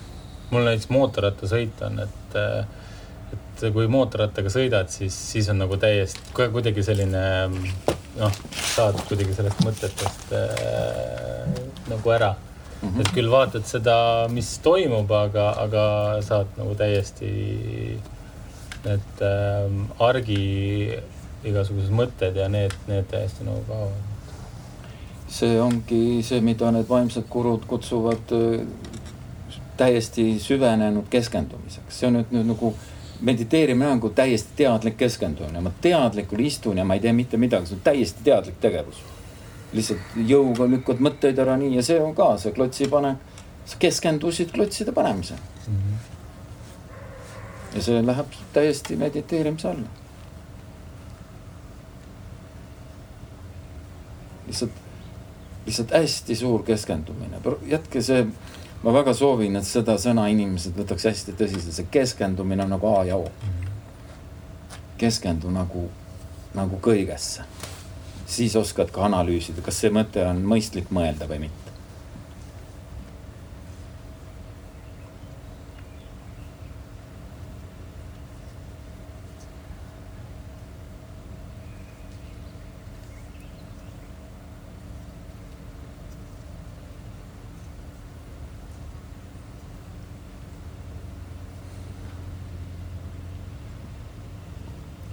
See oli meil nüüd saateväline lõik kõik jah salvestasin helina. ah, heli on, salvestab kogu aeg? paneme otsa pärast sinna hmm.. pildi võtsin välja. siin metsas olles on äh, huvitav, ma olen seda sulle, Indrek, öelnud ja teised, teised ei tea, noh, polegi rääkinud sel teemal, pole saanud rääkida ka sel teemal teiega, aga aga eelmine kord Eliisega siin, enda elukaaslasega, siis pärast autos ka mõtestasime, et kuidagi siin just, ma ei tea, miks, noh, võib-olla minul isiklik suhe sinuga, eks ole, aga kuidagi, kuidagi siin ma alati tunnen, et siin on kuidagi ja kuidagi hästi selline sügav, hästi sügav nagu rahu tekib siin. või üldse see võib-olla seotud männimetsaga, ma ei oska öelda, aga, aga ma tihtipeale looduses ei tunne alati sellist rabas, vaata me teeme nagu raba näite ka, et rabas on ka, mõnes rabas on nagu nii haudvaikus. et nagu natuke kõhe hakkab isegi nagu, et maailma nagu ei olekski. siin on sama tunne, aga kuigi. kuidas kuigi teile tundub ka, nagu siin nagu keskkonnana teil rahulikum olla kui see seal saalis? Konverentsisaalis on jah? no sinu suhul kindlasti, sul sõber, sa leidsid sõbra juba ja sa oled ta nüüd nii ära paitanud, et teine tuli oimu väliga. ta väsib poiss. aga siin jah, oli praegu siin just, äh, kui tekkis see vaikuse moment, siis ma tundsin, kuidas kõrvu tekkis see vaikuse pinin. mida kuuleb nagu, noh, ongi süda, südaöösel niimoodi, aga siin sõidavad autod ja lapsed siin äh, vahepeal kiljuvad ja siis mingid mehed siin naabrid karjuvad ja, aga kuidagi nagu seda ei kuule. siis keskendusin selle vaikusele, sest tundsin, tekkis see, ma isegi ei tea, mis, mis pinin see on, kuidas nimetatakse seda aga nagu seda on, seda on nii hästi tundnud kogeda nagu siin. ja sellistel hetkedel nagu on äge nagu endal märgata ka, et sa suudad selle mõtte nagu niimoodi ära distantseeruda või üldse mitte mõelda, et sa kuuledki, kuuledki seda, lihtsalt suudad nagu keskenduda sellele helile. see on see ainult vaikuse ümberringi. et äh, see keskendumine on jah, äh, huvitav, äh, huvitav selles mõttes oskus, mida endas arendada. Nii mitmes nagu äh, valdkonnas just, ja harjutama on seda väga lihtne ennast õpet-, õpetada. kui mingi manuaal on, lugege rahulikult läbi, alati tahetakse võtta manuaal kõrvale ja noh, nagu poleks aega selle jaoks. võtke aega, keskenduge, mõtke. mind, mind õpetas üks mu enda sõber, kes oli itimees ma olin ka selline, noorena selline kärsitu kohe, kui mingi arvutiga mingi jama, helistasin sõbrale, kuule, mul on seal see, ütleb see, seda. paar korda ta siis võttis, eh, võttis rahulikult ja siis ütles, tead mees, loe kapsast. kuramus, kus see mul nagu muutis kõik seest. et noh, ütles sõna otseses mõttes, loe kapsas ise läbi siis, eks. aga ta ütles lühidalt, loe kapsast ja oligi nii, et ma rohkem ei julgenudki helistada, ise pusisin ja pusisin ja tegelikult saame kõigega hakkama. sest arvuti on ju, algus tundub ju kõigile kosmos. aga ta ju esitab mulle küsimusi kogu aeg. see on ju nii lihtne, muudkui aga vastama, mis ta küsib ja ongi lahendatud. ja see, see muutis mind kolmekümnendatel, ma mäletan, kus alguses oli küll solvusin, aga pärast nüüd loen kõik manuaalid põhjalikult läbi, istud rahulikult, võtan luubi ja nii mõnus. ja viibu manuaali ka lugesin põhjalikult läbi ja seal oli see märk valele poole pandud. võib-olla ma olin liiga põhjalik, ise ei mõelnud kaasa. manuaal oli valepidi ees. jah, mu, ei ma just vaatasin täpselt, kus see käeasend on, aga noh mm, siin mul lihtsalt puudus teadmine, kuidas see viibu sihik peab olema. täna täna on see RTFM äh,, sihuke ütlus. Read the fucking manual Read the fucking, minu, minu ajal oli ainult loe kapsast. Read the fucking manual